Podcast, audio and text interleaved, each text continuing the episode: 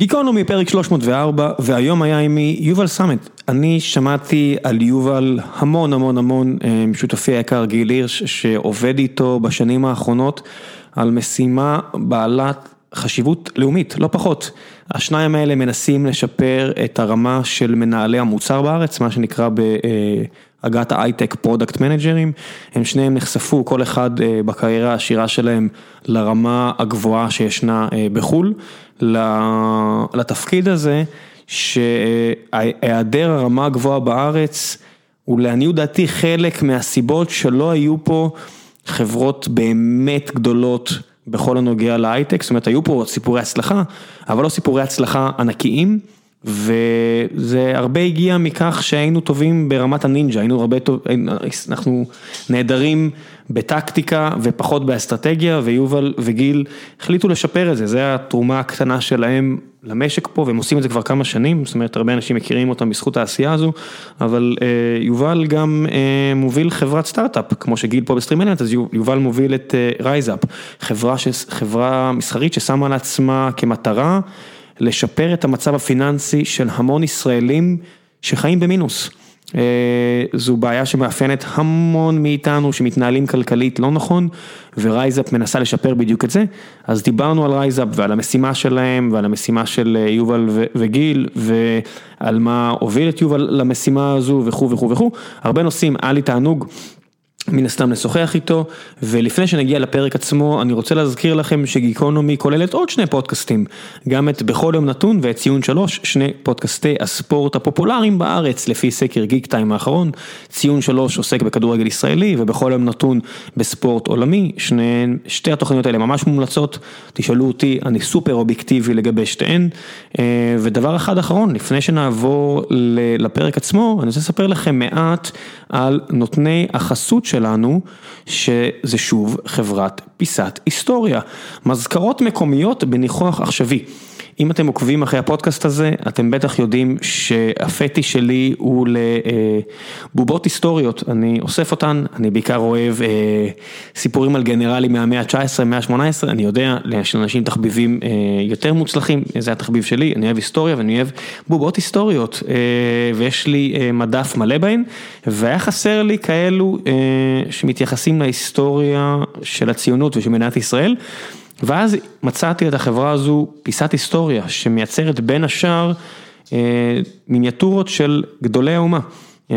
אם זו גולדה מאיר, דוד בן גוריון, מנחם בגין, הם יצאו עכשיו עם סדרה של חנה סנש וטרומפלדור, על חנה סיפרתי לכם שהיא נמצאת באוסף שלי ממש לאחרונה, התווספה לאוסף שלי, והראשון שקניתי מהאוסף הזה היה הרצל, כי אם אתה יזם, באמת שצריך לקחת השראה מיזמים טובים ממך, ומה היה הרצל אם לא יזם אדיר שסיפר סיפור אדיר שדי תפס ודי הוביל פה ללא מעט הצלחה פה במזרח התיכון, הסיפור הזה של הציונות, אז יש לי תמיד את הרצל ככה באוסף שמשקיף מבין כל מיני אחרים, אם זה מדענים וגנרלים כאמור, אבל זו, זו פיסת הפטיש הקטנה שלי, ואני מאוד ממליץ לכם להיכנס לפיסת היסטוריה ולהסתכל על העצה של מזכרות מדמויות של גדול, גדולי האומה, וזהו, עכשיו לגיקונומי, פרק 304.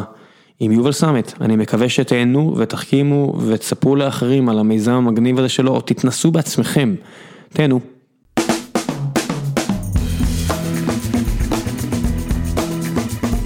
גיקונומי פרק 304 והערב נמצא עימי יובל סמט, מה העניינים? הכל טוב, מה נשמע? אין תלונות, פרק שני ברציפות שאני מקליט בשעות הערב, כבר עברתי לגמרי להקליט לשעות הבוקר, כי אני נהיה יותר ויותר הזוי ועייף בשעות הערב לאחרונה, ככה יצא. אבל אני חייב טיפ לכל מי שמקליט איתך בערב. שמה? יש happy hour ב Porter and Sons. פה למטה? פה למטה, עד שעה שבע. מה זה בירות? 59 שקל, בירה, כמה שאתה יכול לשתות. והלכתי על זה. באמת? עד הסוף. באמת? יש happy hour של כמה שאתה רוצה בירות ב-59 שקל בתל אביב ו Porter and Sons? עד שבע בערב. אתה צריך לשתות מהר. גיליתי כל מיני IPAs? חדשות. אני לא יודע, כשבאתי היה פתוח.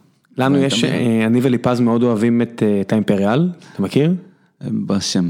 אוקיי, אז זה, זה בר קוקטיילים סופר פלצני בתל אביב, שזה, שאתה שואל מה טעים פה, מה אתה מעדיף, אה, משהו savory, משהו מתוק, משהו חמוץ, אני זה אלכוהול, אני לא באמת מבחין, ואז הם כולם כזה, אז למה באת לפה? לא יודע, אני אוהב את ה-happy hour פה. אז זהו, בתור מישהו שאתה יודע, חייו הפכו להיות אה, ניהול תזרים, אני חייב להגיד ש Porter and Sons, ב-59 שקלים, כמה שאתה יכול להשתמש. הם לא, הם לא לקחו חסות על הפרק הזה, הם אני לא- לא, לא- לא מאשר את כל ההשתפכות הזאת. לא. לא, זה לא, לא בקטע של השתפכות, אבל אני פשוט מרגיש אה, חובה להגיד שזה עדיף על פני האימפריאל, כי שם בטח אתה מקבל קוקטייל ב-75 שקלים. לא, לא, אני חושב שזה גם באזור ה-59, אבל אתה מקבל עוד אחד איתו. אה, וזה מלא, זה מלא ספירטים, אז זה כמו... הנה הזדמנות. כן, לא, לא, זה, זה, זה אחלה happy hour, בטוח, תוסיפו לאפליקציה שלכם, איפה יש הפיאר? לא, לא, לא איפה ש-happy hour, אתה אומר, אני ראיתי שהזמנת בשמונה וחצי, אה, היית צריך להזין היית יותר צריך. להקדים פשוט שעה לפני כן, מה רע? הבעיה היא שהתשתיות הפיננסיות בישראל לא, לא ממש מאפשרות את זה. אבל אני כן יכול בניתי אחת, אני, אני לגמרי, אתה יודע, הגיעו אליי, שעשינו בפפר, ויש מלא חבר'ה בינלאומיים בטכנולוגיות, שמסתובבים, אתה יודע, אתה רואה אותם כאילו, אתה לא יודע מאיפה הם באים, לאיפה הם הולכים, זה כמו שאתה אתה נוסע ביום שבת לאנשהו, ואתה רואה אנשים נגיד בין קריית גת לבאר שבע, באיזה שמונה בבוקר, ואתה אומר, מה עושים? ברגל, אחי, מאיפה באת ולאיפה אתה הולך. ולמה אתה לא עם איזה משהו זוהר על הגב. אני די בטוח שאני בסדר, אני לא בטוח, אני לא ערב לנהג קדימה ולנהג אחורה, אז כן יש גם בינלאומי, ומדי פעם הם באים אליך, אנחנו רוצים לעבוד על Open API, ואז אתה אומר לעצמך בראש, בטח, אני אזרום איתך, זה יהיה מוכן עד 2035, נכון? אוי.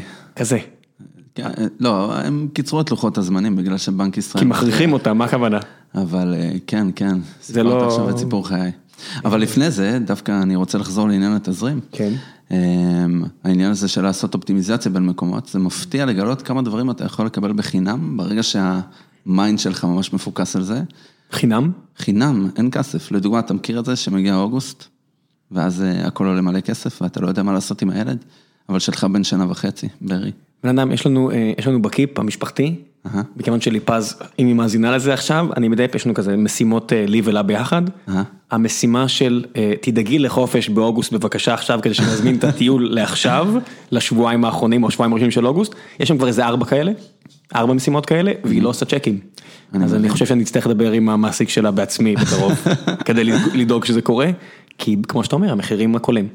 כן, אבל גילינו משהו מעניין, שאם אתה מסתכל נגיד על האתרים של חיפה, תל אביב, באר שבע וירושלים במהלך אוגוסט, מה כל מיני מסתכל על האתרים? יש להם כל מיני אתרים של מרכזים קהילתיים וכאלה. אה, אתה דיגיטף וכל האלה של תל אביב? כן, כן, משהו כזה. בכל עיר יש את העניין המקומי. אתה יכול לבלות את כל אוגוסט בחינם לחלוטין כל יום.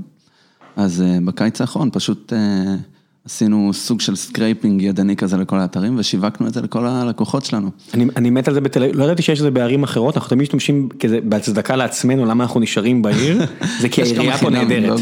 כן. לא באמת, אני, אני באמת מאוד מעריך עיריות אה, שעושות מעל, מעל ומעבר, אה, בתל אביב זה ממש ככה, מי, ש, מי שמסתכל באתר של העירייה, שם, הם עושים המון דברים נהדרים. תקשיב, בוא, רון חולדאי מסתובב עכשיו כמו גנגסטר, קנדציה האחרונה, הכל הולך. אני, אני, אני מת על זה. כן, הוא גם, אה, גם הבן שלו בבורד שלנו, אז בכלל, אה, אה. אז בכלל אתה יודע, אני מנוע מ- מלדבר סרה. לא, גם אה, הם- הוא הוא לקח אותי למשחק של מכבי, גם הנה, חינם, שהמשקיעים שלך לוקחים אותך למשחק של מכבי, ואני בכלל אוהד הפועל באר שבע, אז אני לא, אני מסרב לשיר את השירים, אבל הם לקחו אתה יודע, ואתה יושב כזה, חינם אני בא. כן, בדיוק, שורה, מה זה שורה ראשונה למשחק מכבי? כן, אני, אני אבלע את כל הכבוד המקצועי ואין לי בעיה, אני אלבש טוב, אבל אני איתכם. ואתה יושב שם לידו וכולם כזה מסתכלים עליך, אתה לא נראה כאילו אתה שייך לכאן, אומר, זה נכון. זה נכון, זה נכון, אני לא שייך אבל הגעתי בכל זאת. נכון. ככה זה, חינם זה מחיר מעולה. זה להראות לכל המכביסטים. כן, הראינו להם. מה, מה מגלים אם מסתכלים על אה, הוצאות פיננסיות מבחינת חינמים ולא חינמים? וואו, שאנשים מוציאים מלא כסף על כל מיני דברים. וזה מצחיק, כי כשאתה מקים בנק זה בדיוק ההפך. אתה רואה בעיקר כמה כסף יש לישראלים בעובר ושב והם לא מוציאים אותו או לא חוסכים אותו בצורה יותר חכמה. וזה זה מספרים, אתה יודע, אני לא יודע מה מותר, מה אסור לי להגיד, מן הסתם אתה יודע, אתה לא חודר לפרטיות, אתה מסתכל במקרו, ואתה רואה דברים כמו, לא יודע מה, 300 מיליארד שקל שוכבים בעובר ושב של לקוחות לאומיים, ואתה מסתכל, למה הם לא עושים זה משהו יותר חכם, או כל מיני כאלה. כן, כי אנשים לא יודעים מה לעשות עם כסף. כי בוא, זה סופר קשה להחליט מה לעשות עם כסף, אם יש לך. ויש הרבה. כן, יש ויש, זה, זה מאוד לא, תלוי. זה, זה, איקס כסף, אני לא יודע, אתה יודע, יש מן הסתם באמת הגנה על פרטיות וכאלה, אתה לא יודע, אתה יודע בערך איך זה מתחלק, אתה רק יודע שהמספר, הכמות של הכסף של, ששוכבת בעובר ושב של ישראלים, היא ענקית. ובתקופה כזאת ש... שהבורסה עפה למעלה והנדל"ן עף למעלה וכל מיני כאלה, תשמע, יש פה שני, יש פה, זה, זה שתי בעיות שונות. יש הרבה אנשים שיש להם כסף ולא יודעים מה לעשות איתו, ויש הרבה יותר אנשים שאין להם כסף ומתנהלים בצורה לא פחות טיפשית. או יותר- לא פחות לא מושכלת, בוא נגיד. נכון, אז יותר מטריליון שקל נמצא בפקדונות קצרי מועד, פקה מה שנקרא, ובעובר ושב. שזה מלא מלא הבנקים. מלא כסף. כן, בכל הבנקים. כן, זה מן הסתם הכרתי רק אחד. כן, הנכסים של הישראלים בכסף מזומן. אז מן הסתם היה הגיוני לעשות איתם, עם השקלים האלה, משהו אחר. מאשר שזה יישב שם ו... כן, מאשר שזה ישכב ויעשה כלום, אבל זה נותן לך סוג של תחושת ביטחון ברגע שהכסף זמין. אמ, שזה דבר שהוא הגיוני, ברגע שאתה חי מהיד לפה, ממשכורת למשכורת, כמו, בוא, חלק ניכר מהישראלים היום, אם לא רובם אני רוצה להגיד, רובם במובן של יותר מ-50 אחוז, אני מוכן להמר על האצבע שלי. כן, באתי כן. כבר פעמיים, אני מוכן לשים את השלישית בכיף, זה לא כזה כואב חברים, תהמרו על אצבעות, זה לא נורא, זה רק בהתחלה קצת כואב וזה, מה מתרגלים? כן, זה קונביקשן אמיתי, ככה כן. גם מאמינים לך לחלוטין. כן, יפנים, אתה יודע, אני אתה מסתכל עליהם, אתה אומר, הם יודעים, הם יודעים, תראה אותם. לגמרי, קאטו כאן. כן, אתה שם את. האצבע על השולחן ואתה אומר, אני מוכן לסכן את האצבע הזו. לגמרי, זה מוכר. ככה גייסתי את הסיבוב האחרון. בבקשה, אם- אם אם משקיע לא לא מסתכל אם לך זה לא בעיניים. עובד, אני נותן את האצבע שלי. זרת, זרת, לא יותר מזה. חד משמעית. לא אגודל, אגודל זה בעייתי. לא, לא, אגודל זה ממש קשה. בקיצור, אה, אני מוכן להתערב כאן, שיותר מ-50 אחוז מאנשים שלא רק שאין להם פלוס, הם חיים במינוס כרוני, אני מניח. כן, כן, חד משמעית, כאילו היום אומרים שזה 42 אחוז מהישראלים שנמצאים במינוס לפחות פעם אחת בשנה, כאילו חודש מתוך שנה, אבל אה, בפועל לא מסתכלים על הגדילה של אה, האשראי הצרכני שיש בארץ. מי לא מסתכל? זה, זה, בכל עכשיו- העולם זה ה- הדבר שאמור להפחיד את כולם, כן, האשראי הזול הזה. זהו, אז לפני כמה חודשים פרסמו שישראלים נמצאים פחות במינוס, אבל לא הראו את הנתונים פחות המשלימים. ממה, ביחס לשנים עברו או ביחס למדינות לשנים אחרות? עברו. אבל אה, בעצם לא הראו את הנתונים המשלימים על הצמיחה של האשראי הצרכני. אז ישראלים נכנסים יותר ויותר לחוב, וכשאני מנסה לחשוב מה הולך להיות עם זה בעתיד, וואלה, אני לא יודע להגיד. בן אדם, חצי מהחברות בבורסה הישראלית זה לון שרק, זה מלווים בריבית. כן, כן, זה די... אה, ששוק אפור בארץ, לעניות דעתי, זה מעל 15 אחוז ריבית בשנה. כן, אבל הבנקים יכולים לגבות יותר 15. מאשר... עד יותר. 15. אפשר גם יותר. איך יותר? אה, 16 אחוז גם ראיתי. הבנתי, אז יכול להיות ששינו את החוק מאז, או שאני טועה במספר, אבל זה באזור הזה. כן, כן, זה- כן. זה לא ה-payday loans שיש באנגליה וארצות הברית, אבל גם עם 16 אחוז אתה מהר מאוד אה, מגיע לבור מאוד עמוק. לחלוטין, מאוד בקלות. מה גם שהרבה מאוד אנשים אה, עושים את הדבר העוד פחות חכם, או לא יודע אם אין להם ברירה, אבל לוקחים הלוואות מאנשים יותר מפחידים שמסתכלים על החוק הזה של 15 אחוז, ואומרים, I can do better. כן, אבל זה, אתה יודע, את זה, את זה ממש קשה להגיד. אני יכול גם להגיד לך מהעבודה ברייזאפ שקשה לנו לראות אה, תמונה מאוד רחבה של אנשים שעושים את זה מחוץ למערכת. וכן קשה, מן הסתם אין לך את הנתון הזה, אחרת היה אפשר, אתה יודע, לעלות על האנשים שעושים את זה. לא, אם אתה חושב על אוטומציה בקנה מידה גדול, שאתה רואה כסף עובר מגורמים מסוימים, אולי אפשר... אבל אתה לא רואה, זה. נשאר במזומן, הרי חלק מהחוק הזה של היעדר מזומן, אתה הגעת מ... חיית כמה שנים בשוודיה, אחת המדינות הראשונות בעולם שהחליטו לכסח את הכסף המזומן, אני מניח גם בגלל הסיבה הזו. מאוד יכול להיות, אבל אה, כאילו בשוודיה זה נהיה מוזר להסתובב עם כסף מזומן, מסתכלים עליך ב... כסוחר סמים? מסתכלים עליך בעין כזאת של מי אתה, ניאנדרטל שמסתובב עם מזומן. אמ, אבל תשמע, העניין הזה של consumer finance בכלליות, אמ, שמעתי פודקאסט מאוד מעניין על אמ, אליזבת וורן ואיך העולם הזה של consumer finance התפתח בארצות הברית, ומדברים על זה שאם אתה בא לקנות טוסטר, אתה יודע שאתה שם אה, טוסטר משולשים נגיד, אתה שם שתי חתיכות לחם, גבינה צהובה באמצע, יוצא טוסט עם גבינה באמצע. ואם יש בעיה בטוסטר וצריך לעשות עליו recall, יש ארגון שיעשה את ה recall וידאג לאזרחים שלא יישרף להם הבית. אז יש recall על 20 אלף טוסטרים של משולשים כאלה, והכל בטוח ומאורגן. כשאתה בא לקחת הלוואה, מצפים ממך לדעת מה המפרט של הטוסטר, מצפים ממך לדעת מה המשמעויות ארוכות הטווח, מה זה ריבית דריבית. אהבתי שאתה אומר מצפים ממך, מי מצפה? בונים על זה שאתה לא מצפה, שאף אחד שלא תסתכל על זה, מי לא, מי זה אני- המצפים הזה? אני חושב שאתה חושב, שהם מסתכלים על התפקיד של הרגולציה, כנראה שמישהו מדמיין שלאזרח הקטן יש את היכולת להבין מה זה ריבית דריבית. אה, ואתה מסתכל על המפרט של ההלוואה שאתה עומד לקחת, ואתה אומר לעצמך, טוב, זאת המשמעות של ההלוואה הזאת, אה, שנים קדימה, אבל בתכלס אתה לא יודע. אז, ואין איזה מכון תקנים שדואג באותה מידה לעשות ריקול עם הלוואה אה, מסתברת בתור מוצר נשכני ובעייתי. אה, כמו, יש היום מוצרי אשראי כאלה, אה, כל מיני צ'ויסים למיניהם, שבעצם... אה, מה זה צ'וייס? אתה מתחיל, אה, אתה בעצם אה, קובע החזר חודשי, אה, נגיד של 500 שקלים, ואז אתה מתחיל לגלגל את הקרן רק ולא את את. הקרן, אה, ובעצם אתה מתחיל לצבור ריבית על הקרן, וכל חודש אתה לוקח הלוואה ל-36 חודשים. זאת אומרת שנכנסת למעגל... בארץ? כן, כן, זה בארץ. זה חדש. משווקים את זה? משווקים את זה בצורה אפילו די אגרסיבית. של אתה חייב חופשה עכשיו, אם אין לך כסף לא נורא, בוא קח את ההלוואה, כל האלו? בוא, בוא קח את ההלוואה בקרדיט, ובעצם אתה מוצא את עצמך סולק את כרטיס האשראי שלך, בלי שיש לך מושג בעצם לאיזה סוג של הלוואה התחייבת. אז אנשים מחזירים כל חודש 500 שקלים, ובעצם מתחילים לצבור הרבה מאוד ריבית שנים קדימה, ואין להם מושג שבעצם ברקע מצטברת להם קרן מאוד מאוד גדולה שהם יצטרכו להחזיר בסופו של דבר. כן, זה כמו שאתה יודע, אתה רואה, יש לי, זה לא חיבה, אבל אני מסתכל לפעמים בסקרנות על אה, אמריקאים שכותבים על הסטודנט לאון שלהם, שאומרים, אני משלם כבר עשר שנים, ורק עכשיו, פעם ראשונה, אני מחזיר, אה, זאת אומרת, לקחתי 350 אלף דולר ללמוד רפואה, אחרי עשר שנים אני חייב 351 אלף דולר. אנשים לא מבינים את המכניקה של הלוואות, זאת אומרת, לא, זה סופר קשה, אתה יודע שאתה... בקלרנה עבדתי נראה לי איזה שלוש שנים עד שהבנתי באמת את המהות של compound interest במוצרי open-ended revolving credit. עכשיו רק מלהגיד את הדבר הזה אתה מקבל צמרמורת, וכשאתה מנסה להבין בתכלס איך הדברים האלה עובדים, אתה מבין שאין סיכוי לדעת בתור ה-average Joe, או היוסי הממוצע, איך מתרגמים את זה לעברית. מאוד קשה לדעת אה, איך לקבל החלטות כלכליות. מזל מחדרה נראה לי, זה ה-average Joe. ריקי, ריקי כהן. ריקי כהן מחדרה, ריקי נכון. כהן מחדרה, אז, אז ריקי מאוד מאוד קשה להבין את זה, כי היא חיה בלחץ כלכלי, כי מאוד סביר להניח שהיא נמצאת במינוס. אני, אני אפילו לא זורם על זה, זאת אומרת, גם אנשים שלא חיים בלחץ כלכלי, כן. עושים שטויות של הלוואות. זאת אומרת, זה, בטוח. זה, זה, זה כל כך מעבר לרק אנשים שיש להם באמת דאגות, שאתה אומר, אוקיי, אני מבין למה הם למשל, כן. לא חשבו על זה לעומק, נניח, אתה יודע, למרות שהם הכי פגיעים, זאת אומרת, להם, הם, הם, להם זה הכי חשוב, ועדיין זה לא רק הם.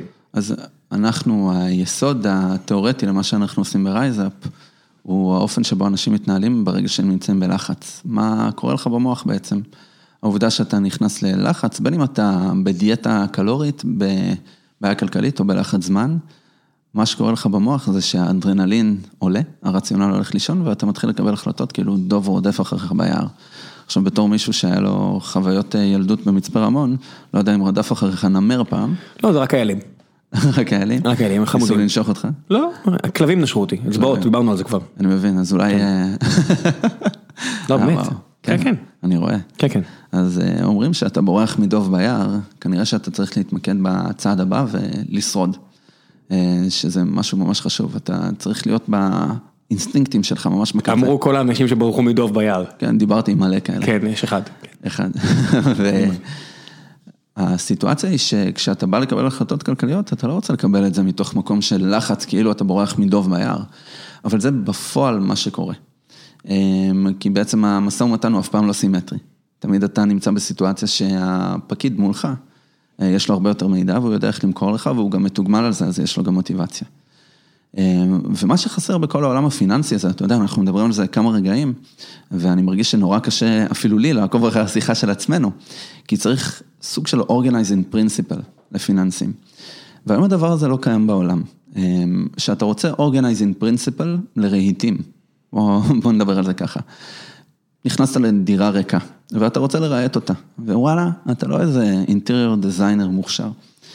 אז אתה תלך לאיקאה, תעבור בכל ה-warehouse הזה ותצא עם דירה מרועטת. כי הרי מכוונים את זה בדיוק, שאתה יודע, אתה מתחיל, חד הם- משמעית. הם מוליכים אותך בכוונה דרך המסלול שהם בחרו שתלך דרכו. וזה מדהים בעיניי, כי בכל מדינה זה פועל בצורה מסוימת, וזה מכווין אותך בצורה מסוימת, ואתה פשוט יוצא עם דירה, ולא רק זה, זה בנוי בפאקינג warehouse, אז אתה יוצא גם עם הכל ארוז, דוחף את זה לאוטו. הם, הם בסדר, הם לא רואים השוודים האלה, אתה יודע, זה בכל זאת, אם, אם, אם, אם. אם, אם למרות המיסים הגבוהים בשוודיה יש לך עשרות מיליארדים, כנראה שאתה בסדר גמור מה שאתה אוקיי, עושה. החברה רשומה בהולנד בתור... אה, הבנתי, זאת אומרת, הם- חוסכים את העשרות. הבנתי. הם, הם יודעים מה הם עושים, אבל בכל מדינה בעולם, שאתה שואל בן אדם, מה אתה עושה שהדירה שלך ריקה ואתה רוצה לרהט אותה, הוא אומר איקאה. עכשיו, כשאתה חושב על העולם הפיננסי, אין לך איזה רעיון מסדר דומה. כאילו, בוא ראם, אתה צריך עכשיו לקבל החלטה כלכלית, לאן אתה הולך? עם מי אתה מדבר? אמ, וזה ממש קשה לעשות. אז מי שיש לו מזל גדל עם הורים שלימדו אותו, או שיש לו איזה חבר או איזה דוד אריה שיודע איך לקבל החלטות כלכליות. אבל אה, רובנו פשוט לא יודעים, ואז בגלל שאין לך איזה מודל מנטלי, אין לך ידע, אתה נמצא חשוף מול התעשייה שהיא מאוד מאוד נשכנית בכל העולם. לא- להפך, הרבה שנים היה, אה, הרבה אנשים, אתה יודע, לא רצו לדבר על כסף, אז היו עושים החלטות... אה, כן, זה טאבו כזה. כן, זאת אומרת, אתה לא שואל כמה חבר שלך מרוויח, אתה לא שואל מה ההלוואה הכי טובה, לפחות זה היה נכון, לא יודע, אולי שהייתי צעיר יותר עכשיו. זה עדיין נכון, כן, זה עדיין נכון. אתה מרגיש עדיין נכון? תשמע, אנחנו מסתובבים הרבה בארץ, אני כאילו נוסע בכל הארץ ופוגש מלא מלא מלא אנשים. אנחנו עושים אה, מסיבות house אה, parties כאלה, חוגי בית. כמו טאפרוור רק עם ריבית? החזרנו, בלי ריבית, אבל כן עם יין ובורקס. החזרנו את אה, מסיבות הטאפרוור לאופנה. וכשאתה מסתכל מה המסיבות האלה, איך הן יכולות לעזור לאנשים, פשוט כאילו להתחיל לדבר על כסף. ויש כל מיני פורומים בישראל, יש פעילות שאנחנו מאוד אוהבים, שנקראת בלום, של נשים שמדברות על כסף בשביל נשים, או קבוצת פייסבוק שנקראת עוברות ושוות. אה, של 15 אלף נשים שמדברות על כסף, שרוצות להביא את השיחה על כסף אה, לאיזון מגדרי. מעבר לכל מיני ארגונים כמו פעמונים וכו' וכו'. כן, פעמונים יש להם אה, משימות אחרות, אבל אתה מסתכל על העובדה שאנשים פשוט לא מדברים על כסף בצורה שגורמת להם לקבל החלטות יותר טובות ולבנות את העתיד שלהם, לבנות את העתיד של הילדים שלהם, ותכלס כל ההחלטות האלה פשוט מייצרות מוביליות חברתית ומאפשרות לך לדאוג לזה שהילדים שלך ירכשו את ההשכלה הנכונה ויהיו בעצם בנתיב הנכון כדי לחיות חיים טובים.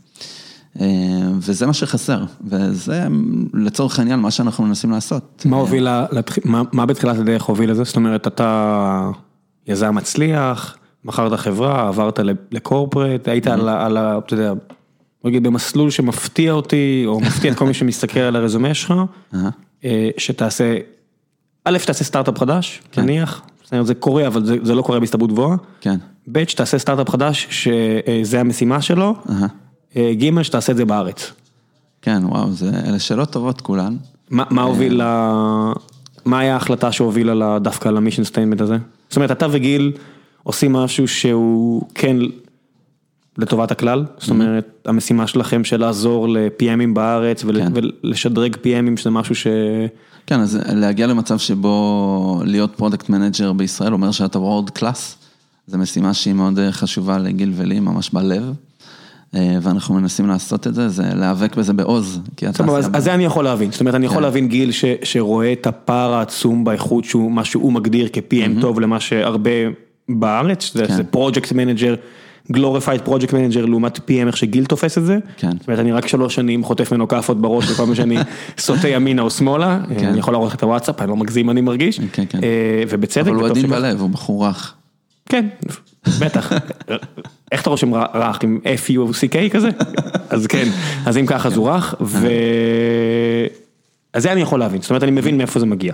מאיפה מגיעה המשימה של של רייזאפ לך? האמת שמכמה חוויות, אה, דבר ראשון גדלתי במשפחה שלא היה כסף, אה, הורים מדהימים שבאמת אה, רבקה ואדם שסללו לנו את הדרך, בכל מיני החלטות שלי הן נראות אסטרטגיות לאורך השנים, אבל להם זה כנראה היה אינטואיציה. אנחנו שלושה אחים וגדלנו כולנו להיות בטכנולוגיה וב financial services איכשהו. ואז כנראה שזה מתחיל שם, אז זה ממשיך בחוויה שהייתה לי בפיליפינים, שלחתי איזה יום, עבדתי שם בתוכן סלולרי מסוג התעשיות האלה שאף אחד לא באמת צריך. אה, וראיתי ילד יוצא כולו מלוכלך מתוך בור ביוב, ושאלתי את הבחור המקומי שהיה איתי, תגיד מה הסיפור? למה הילד אה, משחק בביוב? ואמר לי, תשמע, הוא לא משחק, הוא גר שם. אה, ונתקלתי בעוני מרוד אמיתי בפעם הראשונה, מה זה לחיות בסלאם במנילה.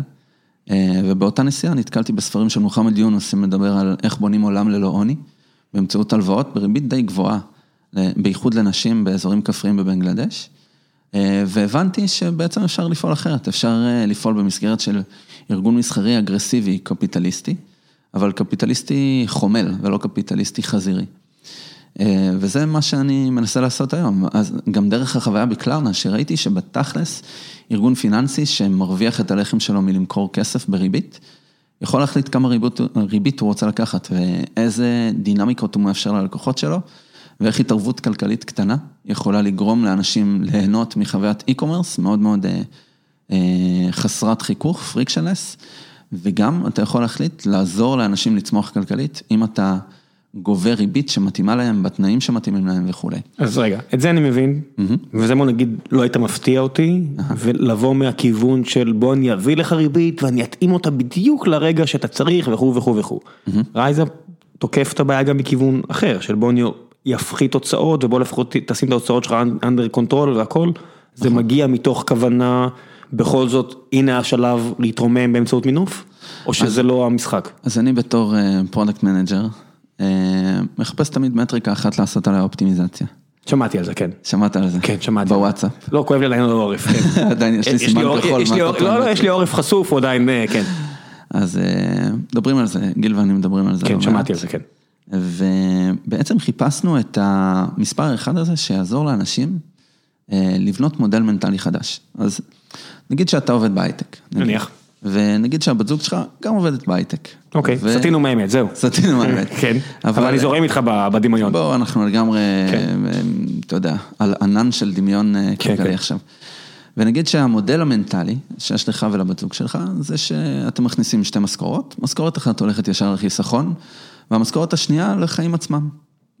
וברגע שסטיתם מהמשכורת של החיים עצמם, ואתם צריכים לאכול מהחיסכון, אז אתם עוצרים רגע ושואלים את עצמכם, רגע, מה קרה פה? עכשיו בוא ניקח את המציאות הזאת, למציאות של משפחה חציונית בישראל, שהיא מרוויחה 15 אלף שקל בממוצע בחודש. זה החציון? זה החציון, 15 אלף שקל נטו, לשתי משכורות. זה החציון או הממוצע? חציון, הממוצע הוא 15,648, אם אני זוכר נכון. מה? רגע, רגע, חציון והממוצע הם לא זהים, יש פער גדול. הם לא זהים, יש פער. אני חושב שאם ראיתי המשכורת הממוצעת בארץ היא איזה 9,500 והחציונית היא איזה 5,800, משהו כזה. אז החציון בישראל למשק בית הוא 15, זה הלמ"ס המעודכן. וואלה. כן, והממוצע הוא לא מאוד מאוד רחוק משם. עכשיו, אם אתה חושב בתכלס על שתי משכורות שמביאות נטו 15,000 שקל, אתה מבין שאנשים לא מרוויחים המון. עכשיו בוא ניקח סיטואציה שאתה... שוטר, במקום לעבוד בהייטק, אתה שוטר וזוגתך היא עובדת סוציאלית. אתם חיים ביבנה ויש לכם משכנתה ושלושה ילדים וכלב חציוני. לא קאטו, לא כמו קאטו. לא, הוא די חציוני, זה כלב. קאטו זה אלפיון עליון, אני רואה עליו. הוא הגיע מיפן. לא, לא יודע. בסיטואציה כזאת... כן, כמו ארס בריטי.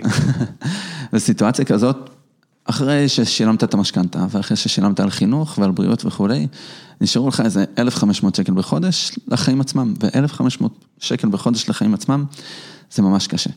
אז אתה צריך מודל מנטלי חדש, וכששאלנו את עצמנו מה המודל המנטלי הזה, איך בעצם אפשר לעזור לאנשים לצאת מלחץ כלכלי ולא להסתכל על, על הכסף שלהם בחרדה ועל המינוס שהולך וגדל, החלטנו ללוות קונספט מהעולם העסקי.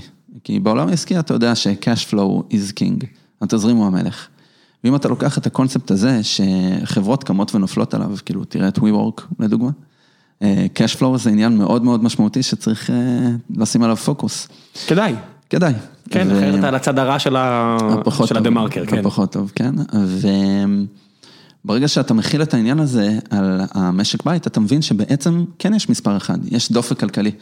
אם אתה מסתכל על התזרים של משק בית, אתה יכול לדעת מה קורה במשק הבית, לאן זה הולך, איך אתה יכול לצמוח. זה בעצם מה שגילינו, וכל הפעילות שלנו בשנתיים האחרונות הייתה מסביב לאיך מייצרים דופק כלכלי אה, מדויק, שעוזר לאנשים להבין מה קורה איתם באמת, ולעשות trade off. לעשות trade off אם הם רוצים על כל שקל. אבל כל שקל זה מעייף, אז עדיף לקבל את ההחלטות על הדברים המשמעותיים של החיים.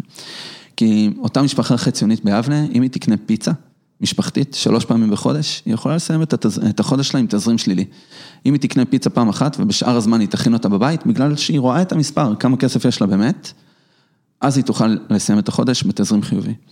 ואם אתה מסתכל על האפקט של ריבית דריבית לאורך זמן, ואתה חוסך 200 שקל בחודש בריבית אפקטיבית שנתית של חצי שנה, סליחה, של חמישה אחוז כל שנה, וכל שנה אתה מגביר את החיסכון בחמישה אחוז, תוך עשרים שנה יש לך 250 אלף שקל. כן, זה מצחיק, בדיוק עשיתי את התרגיל הזה לפני שנה וחצי, כששמתי סכום כלשהו לילד שלי, זה מדהים. ואתה יודע, אתה מסתכל... ברי הולך להיות מיליונר רוקסטאר. לא יודע מיליונר, אבל יהיה לו לפחות משהו כשהוא יהיה בן 30, אז אני אמרתי אפילו לא 20, אמרתי 30, אנשים מתבגרים מאוחר היום, לך תדע מה יהיה עוד 20 שנה, ניתן לו זמן למצוא את עצמו, אבל אמור להיות לו שם איזשהו מספר, וזה לא כואב לי בכיס כרגע לעשות את זה. זאת אומרת לא כואב ממש. 200 שקל בחודש, כל שנה אתה מגביר בחמישה אחוז, מגדיל בחמישה אחוז את החיסכון, ריבית אפקטיבית שנתית של חמישה אחוז, עד גיל 20 יהיו לו 250 אלף שקל, ש-50 אחוז זה ריבית. עכשיו, לעשות trade off של שתי פיצות משפחתיות בשביל העתיד של הילדים שלך, נשמע לי לא רע. אבל רוב האנשים לא חושבים על זה, כי אין להם access ואין להם את המודל המנטלי לגרום לזה לקרות. למרות שהמדינה עשתה צעד בכיוון הזה עם כן, חיסכון לכל ילד. של ה-50 פלוס 50. כן, וזה פרויקט מדהים, זה באמת עומד לשנות את החיים של האנשים ששמים לב לאיפה הם חוסכים. מה האחוז של האופטין, אתה יודע?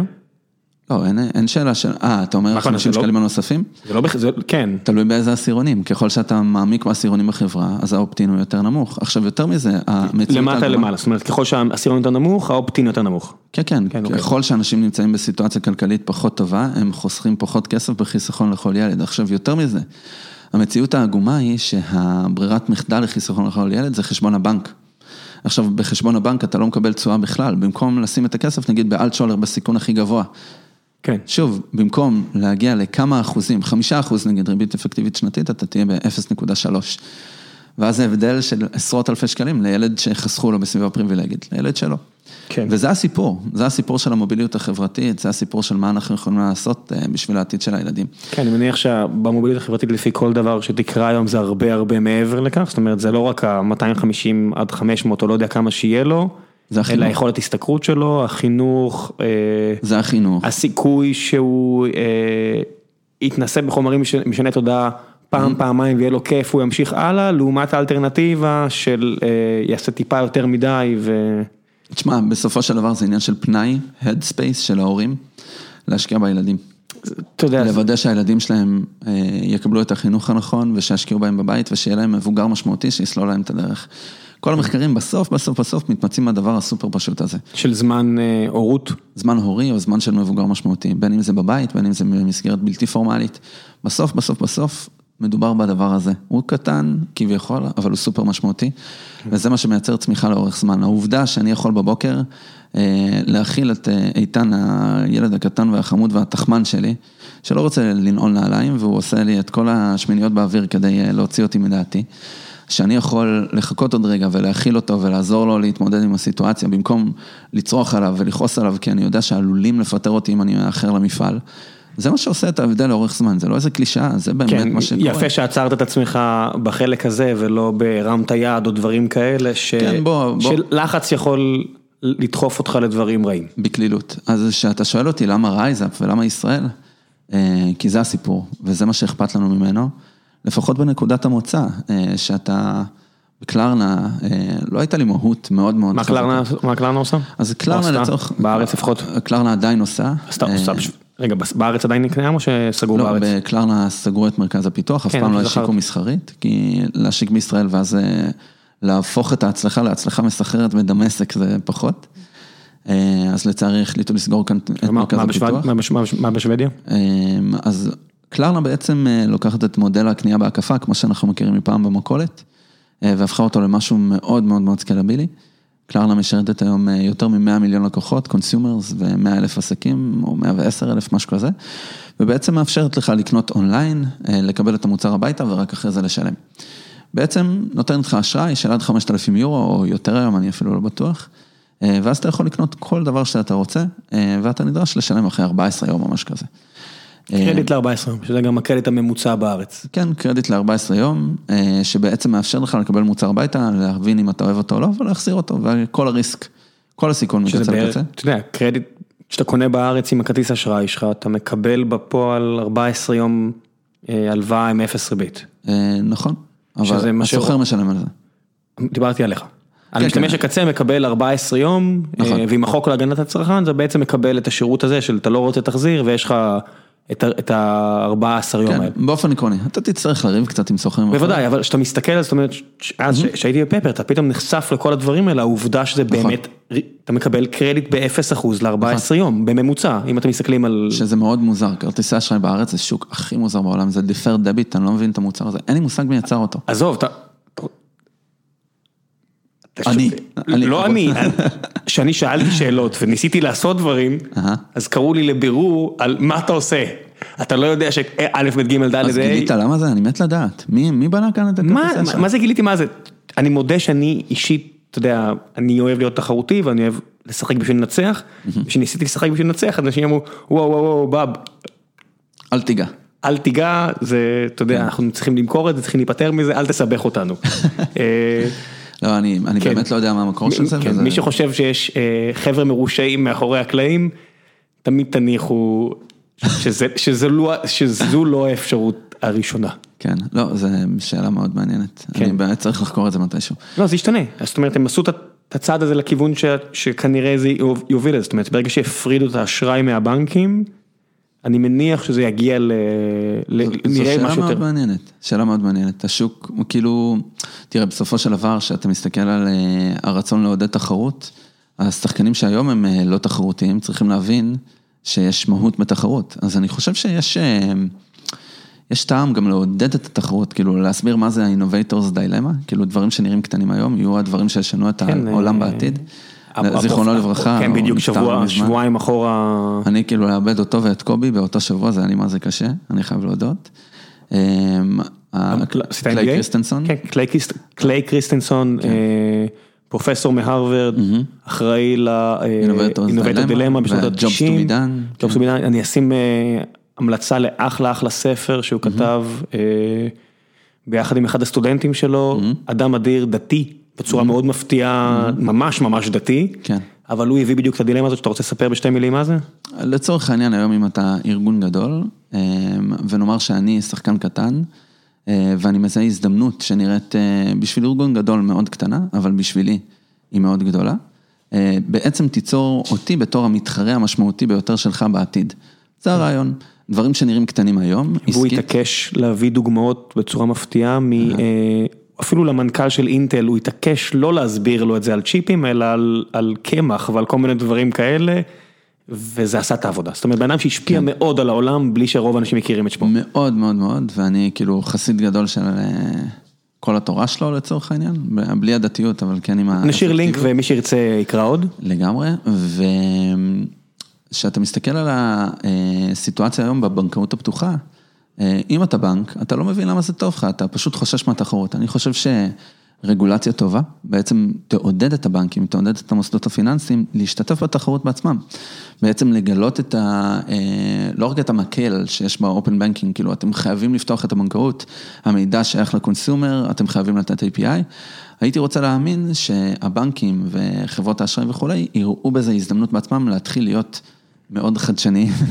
אני- תרשה לי לגלגל שמונה פעמים עיניים. כן, קצת. לא, אבל הנה, עשו גם עוד משהו מעבר, זאת אומרת, זה לא רק ההפרדה של הכרטיסים. אה, חברי מימי פפל, גל- גל ברדעה, אה, מוביל עכשיו בנק חדש בארץ עם הכסף של מריוס נכט ו- כן, ושעשוע. אמנון שעשוע, כן. שעשוע, אה, קיבלו את המנדט, עכשיו זה עליהם להוכיח שהם באמת יכולים לעשות משהו אחר, אבל פעם ראשונה בארץ מזה לעניות 60 דעתי. שנה, כן. לא, 35 שנה, אה, אה, צדיק בינו עשה בשנות ה-80 בנק חדש, Mm. ולעניות דעתי, זאת אומרת, אני אומר לעניות דעתי, אבל מאז לא היה, לא היה בנק חדש, כן, פפר זה כן. של לאומי, למי שלא הבין, אה, אז יהיה בנק חדש אם הם יצליחו, כן. אבל עדיין יש להם כל מיני אתגרים כדי להקים את הדבר הזה. הר של אתגרים, כן. לגמרי. וזהו, אז אני הייתי מקווה לראות אה, תחרות שנוצרת לא רק בגלל שמזיזים את הגבינה למישהו, אלא באמת אה, הרגולטור שעכשיו יכול להיות שמשתנה מרשות שוק ההון לרשות לניירות ערך, באמת יצרו סיטואציה שיהיה גם גזר למוסדות הפיננסיים אתה הנוכחיים. לא מפחד אבל ש... אני מסתכל נגיד על הברית, שם אין, אה, לא יודע מה, עשרה בנקים גדולים ושתיים, עשרה בנקים ושניים ענקיים, שם יש אלפי בנקים. שם זה יותר טוב לצרכנים, יותר טוב לעסקים. זאת אומרת, אני מסתכל, אני אומר, אני שומע מרולניק, אה, אני מניח, לא יודע אם הוא מאזין או לא, אבל אם אתה מאזין, היי גיא, אה, עדיף שיהיה כמה שיותר תחרות. ואני תמיד מעלה לו את הטיעון הזה של, לא יודע, מסתכל על הברית, עם האלפי בנקים שלהם, זה יותר טוב? האם יש באמת תחרות? אה, האם באמת יש demand? אתה יודע, לא יודע, יש אלפי בנקים, אני מניח שיש להם לקוחות. זאת אומרת, זה כמו שבארץ יש, אתה יודע, שבעה, שמונה, תשעה בנקים, עם שניים ענקיים ששולטים. בפועל בשוק, אבל יש בנקים אחרים, זאת אומרת, יהב יכול להציע לך אפס ריבית וכו' וכו' וכו', ולא יודע כן, מה. אבל זה לא באמת כזה משנה. אתה בסופו של דבר נמצא באותו בנק שההורים שלך היו. אף אחד לא עובר. כן. אה, הייתי באיזושהי פגישה עם, יש לנו מאזינים ממשרד האוצר, תדע שמאזינים לך ממש עכשיו, הם הזמינו כן. אותי אה, לאיזשהו... מיטב חבריי במשרד האוצר. אז מה שנקרא נערי האוצר, והם הציגו את הנתונים האלה של אף אחד לא עובר בנק, ויש להם נכון. שלל רעיונות שדן אריאלי והחבר'ה שלו בקיימה מנסים לעזור להם. נכון. בדיוק להכריח את הבנקים לעשות פעולות ש... אתה יודע שפעם, לא יודע, פעם בכמה שנים אתה תעשה אין לבנק שלך בניגוד לאופט אאוט, אתה לא תחליט. שנת שמיטה, שנת שמיטה של החשבון בנק שלך, ואז אתה חייב לעבור אולי. לא, לא אתה חייב לעבור, אתה, אתה צריך להחליט שאתה נשאר בניגוד לאולי כן. אני אעבור, אנשים לא עוברים. אז אני לא בטוח שהתפקיד של הרגולטור צריך להיות כזה. אמ, אני חושב שהסיטואציה בארצות הברית היא סיטואציה שאנשים לא באמת מבינים. לא מבינים למה זה משמעותי מבחינתם לעבור בנק. יש המון האסל שמעורב בלעבור בנק, אז אני חושב שיש... ווילס פארגו מוכיחים ש... אתה הרבה, אתה יודע, פותחים לך עוד סניף, עוד חשבונות ואתה אפילו לא יודע מזה. נכון, נכון, זה גם קורה בארץ, פה סוגרים לך סניף, פותחים סניף, מעבירים לך חשבון, אתה לא באמת יכול לעקוב אחרי זה. ואני חושב שבעצם אתה יכול, אמ, אמ, הייתי רוצה לראות יותר ויותר שחקנים באמת נאבקים על ה-jobs to be done, באמת על הצרכים האנושיים שיש לבני אדם. ויש מקום להרבה מאוד innovation בעולם של הפיננסים. אם אתה מסתכל לפני 13, 13 שנה על עולם המוזיקה, אתה זוכר איך צרכנו מוזיקה? מה, לפני או אחרי שמטאליקה עם אה, צועקים הנפטר שיכורים בטקס? אה, אז אה, באותו זמן בערך, באותו זמן. אז גנבנו מוזיקה. ואז פתאום ספוטיפיי הופיעו. לא, לא, אני הייתי מהחנונים שהיה להם אוסף, אוסף דיסקים שאמרתי לעצמי, זה איתי לעד. זה בקופסאות עכשיו בבית של ההורים, אני אומר להם, מבחינתי תשרפו את זה. אה, I'm done with that shit. וואי, אני האמת עברתי מלא דירות עם הדיסקים עד שבאמת אה, לא היה לי נעים כבר מעצמי, נתתי לילדים. ספרים עדיין יש לך? ספרים יש לי, יש לי ספרייה מכובדת בסלון. פיזית. פיזית, ממש מודפסים. כן, גם לי, אה, אני מודה שעדיין מאוד קשה לי, אני לא יודע אם זה איתי לעד. לא, במקום שבו זורקים ספרים, אתה יודע מה אומרים, זה לא, לא נעים לזרוק ספר. כן. אז אני אה, זוכר את הימים שבהם עוד לא צרכנו מוזיקה ושילמנו עליה, כאילו מי דמיין שתעשיית המוזיקה פתאום תתחיל לייצר, לייצר כל כך הרבה כסף כמו שהיא מייצרת היום במודל subscription. אז הרווחיות עדיין לא מדהימה בספוטיפיי, אבל אתה רואה בעצם עיקרון מסדר חדש. בעולם שנראה שבור לחלוטין לפני 13 שנה. אני חושב שאנחנו עוברים חוויה מאוד מאוד דומה היום. עם פיננסים? עם פיננסים. ואני חושב שאם תעשה fast forward לעוד כמה שנים, פתאום אתה תראה אה, מודלים חדשים שנוצרים על בסיס הצרכים האמיתיים של אנשים. תאר לי את הידיעה. את האידאה, אני חושב שבסופו של דבר, כאילו זה הכי אה, קלישאתי לחשוב על פיננסים כמו Waze. אידאה היא בדרך כלל קלישאה. כן, לחשוב על פיננסים כמו Waze, שאתה צריך לדעת לאן אתה רוצה להגיע, אתה לא באמת צריך לדעת את הדרך לשם. אני חושב שפיננסים זה עניין כל כך מורכב, שבסופו של דבר צריכים, צריכה להיות הטכנולוגיה והשירות. אה, שמותאם לצרכים האנושיים שלך, שיעזרו לך לעבור את אה, תלאות החיים, לחסוך כסף שנכון, להוציא אותו שנכון, כדי להגיע למקום שהחלטת להגיע אליו. ואם אתה תעבוד מספיק קשה, אתה תצליח להגיע אליו. כי יש לך איזה טכנולוגיה שעושה לך את האופטימיזציה ברקע. בארץ יש לך כל כך הרבה, אתה יודע, אנחנו נעים, אנחנו חיים בתרבות שיש את הסולידית, ומצד שני, אה, ואת כל הדומות לה, שאפילו אירחנו אה, חלק מהם. את הסולידית אירחת? זה באמת... לא, לא, היא לא, אה, מישהי אחרת שדומה לה, הפרק סיימת בפיצוץ נראה לי, אז אני אפילו לא אזכיר, אם אני זוכר נכון או משהו כזה, לא, זה היה די מזמן עוד עם דורון, ומהצד השני, יש לך פרסומות של קרן מור, אין לך כסף, לא נורא, קח הלוואה. כן. זאת אומרת, זה נע בין זה לזה, ואני מניח שהרוב המוחלט של האנשים... הם איפשהו באמצע, מדברים על חיסכון, אבל בפועל עושים הרבה הוצאות מטופשות שהם כנראה לא היו צריכים? כן, אני גם לא חושב שאנשים כל כך מדברים על חיסכון. אני, אה, תשמע, קראתי נתון שאני לא, לא וידאתי את המקור שלו, אז אני אזהר בדברים שלי, שבשנת 2019, בממוצע, האמריקאי הוציא פני יותר ממה שהוא חסך. אתה קולט? אף אחד לא חסך שם כסף. 50 אחוז פלוס אפסילון. כן, איזה fucking מטורף, וכשאתה מסתכל על העולם, אתה מבין שהיום לצרוך אשראי זה הרבה יותר הגיוני מאשר לחסוך, כאילו המוטיבציה שלך הצרכנית היא לצרוך. בעולם עם ריבית שלילית באירופה. כן, והאשראי הוא סופר זול, ולא בטוח שהריבית הזאת כן, אני אוהב את הקטע הזה שאנשים מסבירים לי על היגיון. אם אתה קונה נייקי אייר ג'ורדן חדשים, זה בסדר, זה משהו אחד, ואם אתה פותח עסק, זה משהו אחר. אם מינוף, אם האשראי שאתה לוקח הוא לטובת יצירת עוד כסף, כן. אני יכול להבין. אם אתה קונה משהו שלא ידעת שאתה צריך אותו עד שהוא הופיע בפיד שלך בפייסבוק, כן. זה משהו אחר לגמרי. אחר לגמרי. היגיון, אתה יודע. תשמע, אני חושב ש... אתה יודע, התפקיד הקלאסי של בנקים הוא בעצם לאפשר לך ללוות היום כדי להשקיע בעתיד טוב יותר, ואז יש alignment of interest, כאילו בין אם אתה משק בית או בין אם אתה עסק, אתה יכול לקבל כסף, להשקיע אותו במשהו מניב ולהחזיר יותר כסף ממה שלווית. עזוב, אני, אני, אני מצאתי, אתה יודע, שגם בבנקים עד למעלה, עד לטופ של הטופ של המנכ"לית, כבר מזמן שכחו מזה. אני לא יודע אם מישהו יודע להגיד לי היום מה התפקיד של בנקים, ובתשובה רצינית שאם אני אתחיל לשאול אותו שאלות, אתה יודע, והיה לי העונג לשבת ליד דני צידון, שהוא מהמוחות הכלכליים היותר מבריקים בארץ, אה, עכשיו הוא בוויולה, ולפני כן עדיין פרופסור בתל אביב נראה לי, ואתה שואל אותו מה התפקיד של הבנק, אז יש את הקלישאה שרקפת הייתה אומרת, תפקידנו לשמור על הכסף, ואני אומר, אוקיי, אבל אה, יחס הלימוד? כל שקל שנשאר בבנק, אתם מלווים תשע, תשעה חדשים, זאת אומרת יוצרים, דה פקטו מי שמייצר הכי הרבה כסף בעולם, יש מאין, זה בנקים. נכון. אתה אז מה התפקיד? נכון. התפקיד הוא לעשות כסף לבעלי המניות, זה, אני מבין את זה. התפקיד הוא לעשות כסף לאנשים עם קביעות, אני מבין גם את זה, אני יכול להבין, אבל מה, מה התפקיד, מה המהות? וזה די ש- יצא משליטה נראה לי. לחלוטין, אני חושב שבסופו של, כאילו, אתה מסתכל על המשבר ב-2008, אתה מסתכל על איך רוב הבנקים מתנהלים בעולם. אני חושב שאיבדו את היכולת להבין את הצורך האנושי. סוגרים סניפים, עושים דיגיטציה שהיא לא דיגיטציה טובה, היא דיגיטציה טובה מבחינת unit economics, מבחינת עלות היחידה, אבל היא לא באמת דיגיטציה שטובה לי בתור לקוח של הבנק. תלוי מי זה אתה. זאת אומרת, אם אתה הוא מישהו בן 80 שלא באמת יסתדר עם סמארטפון, כנראה עד שהוא ילך לעולמו, בטוח לא טובה לך. אם אתה אה, אני, שאין לי זמן, אני מודה כרגע ללכת לסניף, לעמוד בתור וכאלה, יהיה אחלה, אני לא רוצה להיות יותר בסניף בנק בחיים שלי. לא, אבל בוא נגדיר מה זה אחלה. מי זה גם קיבלת, כן? מה, בוא, בוא ניקח כן, אותך אה, ראם, אתה... אז עזוב אותי. בוא ניקח, אה, אוקיי, אז תיקח אותי, יאללה, רוץ. אני, בוא, מה, מה יש לך פרסונלי בבנק? מה הבנק הציע לך שבאמת תורם לצמיחה שלך בצורה שהיא משמעותית ועקרונית? כלום, להפך, הבדיחה במשפחה שלי זה שכשגיל התחיל לעבוד בפייסבוק, אז מן הסתם הוא לא הביא לי טיפים, אבל שמעתי איתו ואמרתי, וואו, החברה הזאת הרבה יותר טובה ממה שחשבתי מבחוץ. זאת אומרת, אתה יודע, כי בתקופה שגיל התחיל לעבוד שם, כן. המניה הייתה 19 דולר, אה, כולם אמרו איזה בדיחה על מה החברה הזאת אה, גייסה כסף, על מה היא הונפקה, ואתה יודע, כל שיחה שלי עם גיל, רק אמרתי לדורון, גאדם, החברה הזאת כל כך הרבה יותר טובה ממה שאנשים חושבים בחוץ. אז אמרתי, אה, אתה יודע, צריך להשקיע בב- בבורסה בדבר הזה, והתקשר מישהו מבנק לאחד מהקרובי משפחה שלי וראה שהוא השקיע בפייסבוק בלי שום קשר, כן? פשוט שיחה שהתנתקה ב- ב- במקביל, והפקיד בנק אמר לו, מה זה, יש לך מניות של פייסבוק? תמכור. ואמרתי לו, לפי מה אתה עושה את ההמלצה הזאת? מה אתה יודע? אני, אני מרגיש שאני לא יודע כלום, והנה יש מישהו אחד שאני מכיר מבפנים, וזה נשמע בן זונה, על מה אתה יודע? על פי מה עשית את ההמלצה הזאת? למה התקשרת אליי עכשיו? כן. זה, זה הפעם היחידה ששמעתי בכלל בנק, שאתה יודע, הבנק פנה, היה פונה אליי ל... בוא קח הלוואה, והייתי אומר להם, פעם אחרונה שאתם מתקשרים אליי, אל תציעו לי.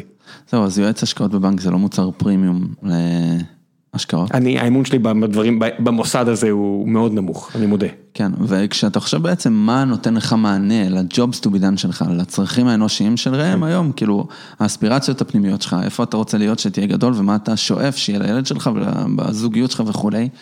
אין לך באמת מקום שבו אתה יכול לעשות את ההתייעצות הזאת, אז אני חושב, אם אתה חוזר, אם חוזרים לנקודה של מה התחרות שעומדת להיות מפיננסים נגיד בארצות הברית, אני חושב שהחוסר מיקוד בצרכים אנושיים, זה משהו שהוא מאוד מאוד מאוד בוטה בעולם הפיננסי.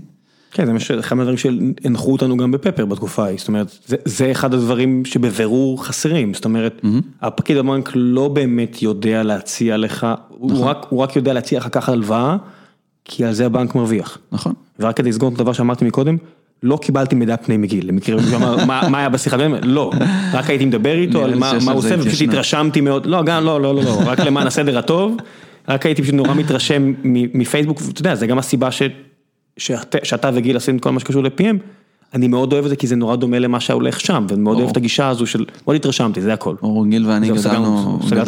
בבתי ספר שונים, אבל הגענו עם אה, מחשבות מאוד מאוד כן, דומות. אז סגרתי את הסוגריים האלה של עבירה פלילית של גיל ושלי, ובוא נמשיך הלאה. לא, אם הסק מאזינים, אה, אם אתה נכנס לכלא בעקבות הפודקאסט הזה, אני משחרר אותך בערבות באופן אישי, כי אני מאוד יש אתרשם. ערבות בארץ? זה לא בארץ, אני חושב שאתה צריך, צריכים להסגיר אותך, על ל- סק? כן, לסק האמריקאי. כן, לא, איתם אני, אני מודה שאני לא, לא מסתבך. אתה יודע, אני, אני, זה מצחיק, אבל יש לי חברים שבאמת, אתה יודע, הם נמצאים במקומות כאלה, ואני, מה, מה זה יותר קדוש מאף אפשר בדברים האלה? זה באמת מפחיד אותי, אני מודה שאני לא מעריך מוסדות פיננסיים ורגולטוריים, ומשום מה סביב הסק, יש לי איזה חרדה... כן, תשמע, אם כבר כלא, אז כלא פדרלי ראוי. לא יודע, קראת את מיסטר נייס פעם? מיסטר נייס גאי? זה על האוורד מרקס, סוחר סמים של קנאביס שהיה מעביר ברמקולים של פינק פלויד קנאביס, ואמריקאים שלקחו אותו מספרד כדי לזרוק אותו לבית כלא פדרלי, זה נשמע נורא ואיום, באמת, זה נראה לי, אני לא יודע מה נעמה יש, איך קוראים לה נעמה יש? נעמונת, הילדה של כולנו. כן, אני לא יודע מה היא עברה ברוסיה, אבל בית כלא פדרלי בארצות הברית נשמע לי מקום נורא. עזוב, סגרתי סוגריים מלא מלא מלא, מחזיר אותך לשיחה, דיגיטיזציה אישית, איך אתה מתאר את האידאה? אז בסופו של דבר, אם אתה לוקח, אז אנחנו מגדירים את עצמנו היום ברייזאפ בתור סטארט-אפ אגרסיבי, מסחרי, Profit with Purpose, אנחנו משרתים משימה שהיא חברתית, לעזור לישראלים לצמוח כלכלית. אז האופן שבו אנחנו מדמיינים את זה הוא דרך תיאוריית שינוי. תיאוריית שינוי זה מושג שהוא מאוד חברתי במהותו, אבל בתכלס אני חושב שכל חברה היום צריכה שתהיה לה תיאוריית, שתהיה לה תיאוריית שינוי. אני חושב שגם ל-StreamElements, אם תהיה לכם תיאוריית שינוי, או בטח יש לכם תיאוריית שינוי לסטרימרים, סטרימר נכנס בצורה מסוימת לתוך השירות שלכם והוא יצא 10x או 1000x יותר טוב ממה שהיה. איך אתה משפיע בעצם על הטראג'קטורי שלו בחיים? אבסולוטלי. איזה שלבים, מה ה-phases in the life cycle of the customer שאתה היית רוצה לגרום לו לעבור. אז היום יש בקטים שונים שאנחנו חושבים עליהם, או ממש שלבים ב-life cycle של אנשים בישראל שמתמודדים עם סיטואציה כלכלית. קשה כזאת או אחרת. משהו ספציפי, קורט ספציפי? או שכולם אנחנו מעניינים? לא, אנחנו ממש ממש מסתכלים בצורה מאוד מאוד חדה. היום אנחנו מתמקדים במה שנקרא Essential Professionals, המקצוענים הנחוצים, נקרא להם ככה, הלב הפועם של כל חברה. מורים, מורות, עובדים סוציאליים, עובדות סוציאליות, אחיות, אחים, אנשי כוחות הביטחון. שזה כנראה אחוז נכבד ממדינת ישראל. כן, אני מתאר לעצמי באזור הקרוב למיליון אנשים בסיטואציה כזאת או אחרת, גם עובדי רשויות מקומיות, הם בתכלס, תכלס, תכלס, הכי ציוניים בישראל. בייחוד אם אתה מתרחק מהמרכז, אתה הולך לפריפריה, מדובר במשפחות שממש מתקשות לסגור את החודש, וגם השכר שלהם הוא קבוע בייחוד בשנים הראשונות לקריירה, ועם ילדים קטנים, משפחתונים פרטיים וכולי, המציאות הכלכלית היא מאוד קשה.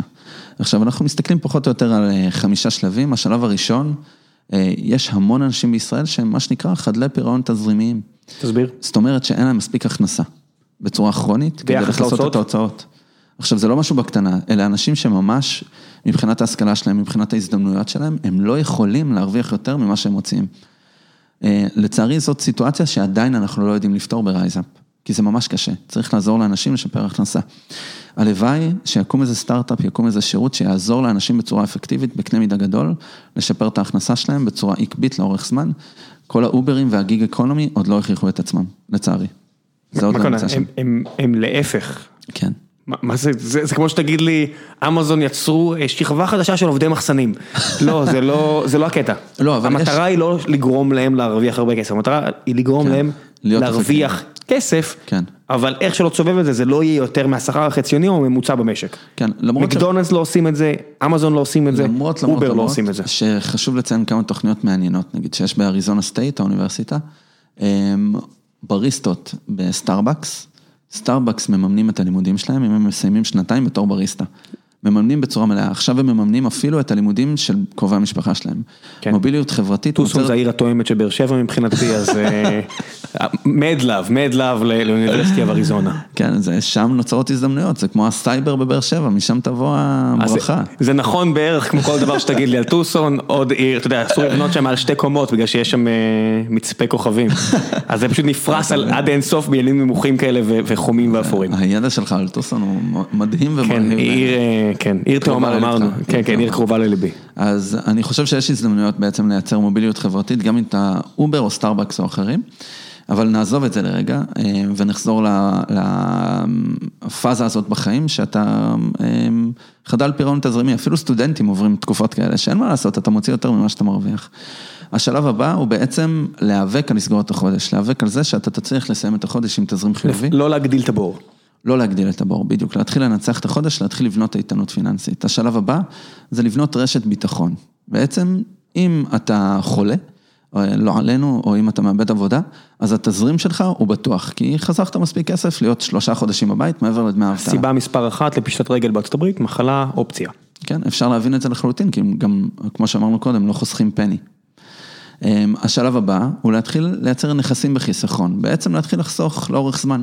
לא להיות משקיע שמסתכל על תשואה, אלא להסתכל על בניית נכס יותר משמעותי, שבאמת יעזור לך להגיע כן, למטרות. כסף שאתה חוסך זה כסף שאתה לא מבזבז. לכל הפחות, גם אם הוא לא עושה ריבית, לכל הפחות בטוח לא קנית עם הכסף הזה משהו שאתה לא צריך. לגמרי, כל ה... אתה יודע, כל הספרים כמו מהאיש העשיר בבבל, The Richest Man of Babylon, הכי כאילו ספרים עתיקים, מדברים על זה שאת עשרת האגורות הראשונות בכל שקל אתה צריך להשקיע בעצמך בחיסכון. אבל מעט מאוד מהציבור, מהאנשים בכלליות, עוקבים אחרי כאלה עקרונות. תשמע, זה, זה נכון לחלק, זאת אומרת ל-20, לא יודע כמה אחוזים בארץ שיש להם קרן השתלמות. Mm-hmm. אני לא יודע אם הם מבינים את זה או לא, אבל זה בדיוק מה שקורה. בערך עשרה אחוזים מהכסף שלהם mm-hmm. נחסך במכשיר פיננסי שהוא די נזיל, צריך mm-hmm. לומר. אה, אם הם יבזבזו אותו, או אם הם מסתכלים עליו בתור חיסכון ארוך טווח, זה כבר עליהם, נכון. אבל יש להם את אותו עשרה אחוזים שאתה מדבר עליהם, פלוס כן. מינוס, שבע וחצי, whatever, אתה יודע. נכון, נכון, אבל אה, בעצם לא, לא מסתכלים, לא, דבר ראשון זה רק עשרים ומשהו אחוז. נכון, אני, אני לא יודע מה המספר המדויק, אבל מרגיש לי שזה, אני יודע שהייטק בארץ זה באזור כן. עשרה אחוז מהאוכלוסייה, mm-hmm. פלוס יש מורים שעבורם בכלל התחילו את הדבר, mm-hmm. ההטבה הזו שלא תיעלם אף פעם, כן. אה, של... קרן השתלמות, אני לא יודע מי עוד, אבל זה בערך כן. האחוז. לא, אני לא יודע לדבר על הנתונים האלה במקום. כן, אני זרקתי מספרים פה, כן. זה לא מספרים, אל תגידו אותם במקומות אחרים, אל תוציאו את עצמכם טיפשים כמוני פה. אה, כן, אה, כל החברים ממשרד האוצר צריכים להתעלם. כן, אין אה, בטח. אבל אחרי שהצלחת להתחיל לייצר נכסים כאלה, אתה מתחיל לחפש תשואה. אז בסופו של דבר יש את חמשת הפאזות האלה בחיים, ואנחנו היינו רוצים בסופו של דבר לטפל בכולם. אבל אמיתית, המקום, הדופק שלנו הוא פועם היום במקום שבו אנשים לא סוגרים את החודש.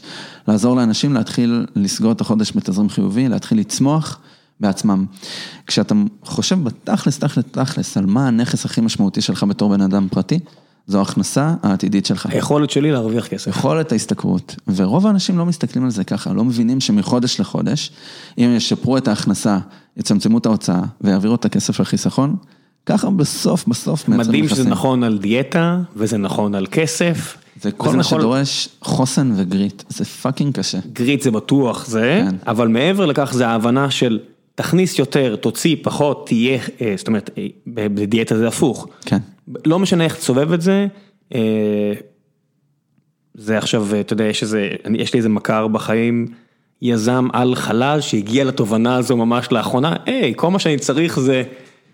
לצרוך פחות קלוריות מאשר שאני מוציא, וזהו, לא משנה אם תקרא לזה טבעונות או לא יודע מה. אז אני צם 20 שעות ואני אוכל רק 4. זה, זה, זה כבר האימפלמנטציה, זה לא כן. משנה איך אתה עושה את זה, אבל ההבנה הזו של לשרוף יותר מאשר שאתה, אז הפוך בכסף, הפוך, כן. וזהו. עכשיו איך כן. אתה עושה את זה כבר עליך, אבל זה, זה רק זה. כן, זה מאוד קשה. ברור שזה מאוד קשה, אבל ההבנה זה השלב הראשון שזה רק זה. אתה יודע מה מדהים? שבסופו של דבר בכל האוכלוסייה, אני חושב שיש אה, קורלציה מאוד חזקה. אמ, אתה רואה בעצם את אותה התפלגות, גם אוכלוסיות שחיות אה, עם הכנסה נמוכה באופן יחסי. נגיד אה, קובי מלקין הוא אחד המשקיעים שלנו, היה מנכ"ל של אוצר החייל ולפני זה של בנק מסד, והוא סיפר לי על החוויות שלו בסניף בנק בבאר שבע בתחילת הקריירה, איך שהיו בעצם אותה כמות של לקוחות פרטיים בסניף הבנק הזה, כמו שיש בהרצליה פיתוח. מבחינת ההתפלגות של הנכסים. אה, הרבה פחות כסף, אבל עדיין אנשים הצליחו לחסוך כסף בצורה משמעותית. לא הבנתי, אתה חייב להסביר למשפט האחרון. שהיו לקוחות פרטיים, נגיד 20-30 אחוז מהסניף, היו לקוחות פרטיים עם נכסים משמעותיים, שהצליחו לחסוך שקל לשקל לאורך החיים שלהם. בניגוד למה השאר ה-70 אחוז? השאר לא סוגרים את החודש. אה, רגע, זאת אומרת מ-100 אחוז הלקוחות של הסניף? מ-100 אחוז הלקוחות של הסניף, יש X אחוז שמצליחים לחסוך בצורה משמעותית, ו-Y אחוז, או 100 פחות X.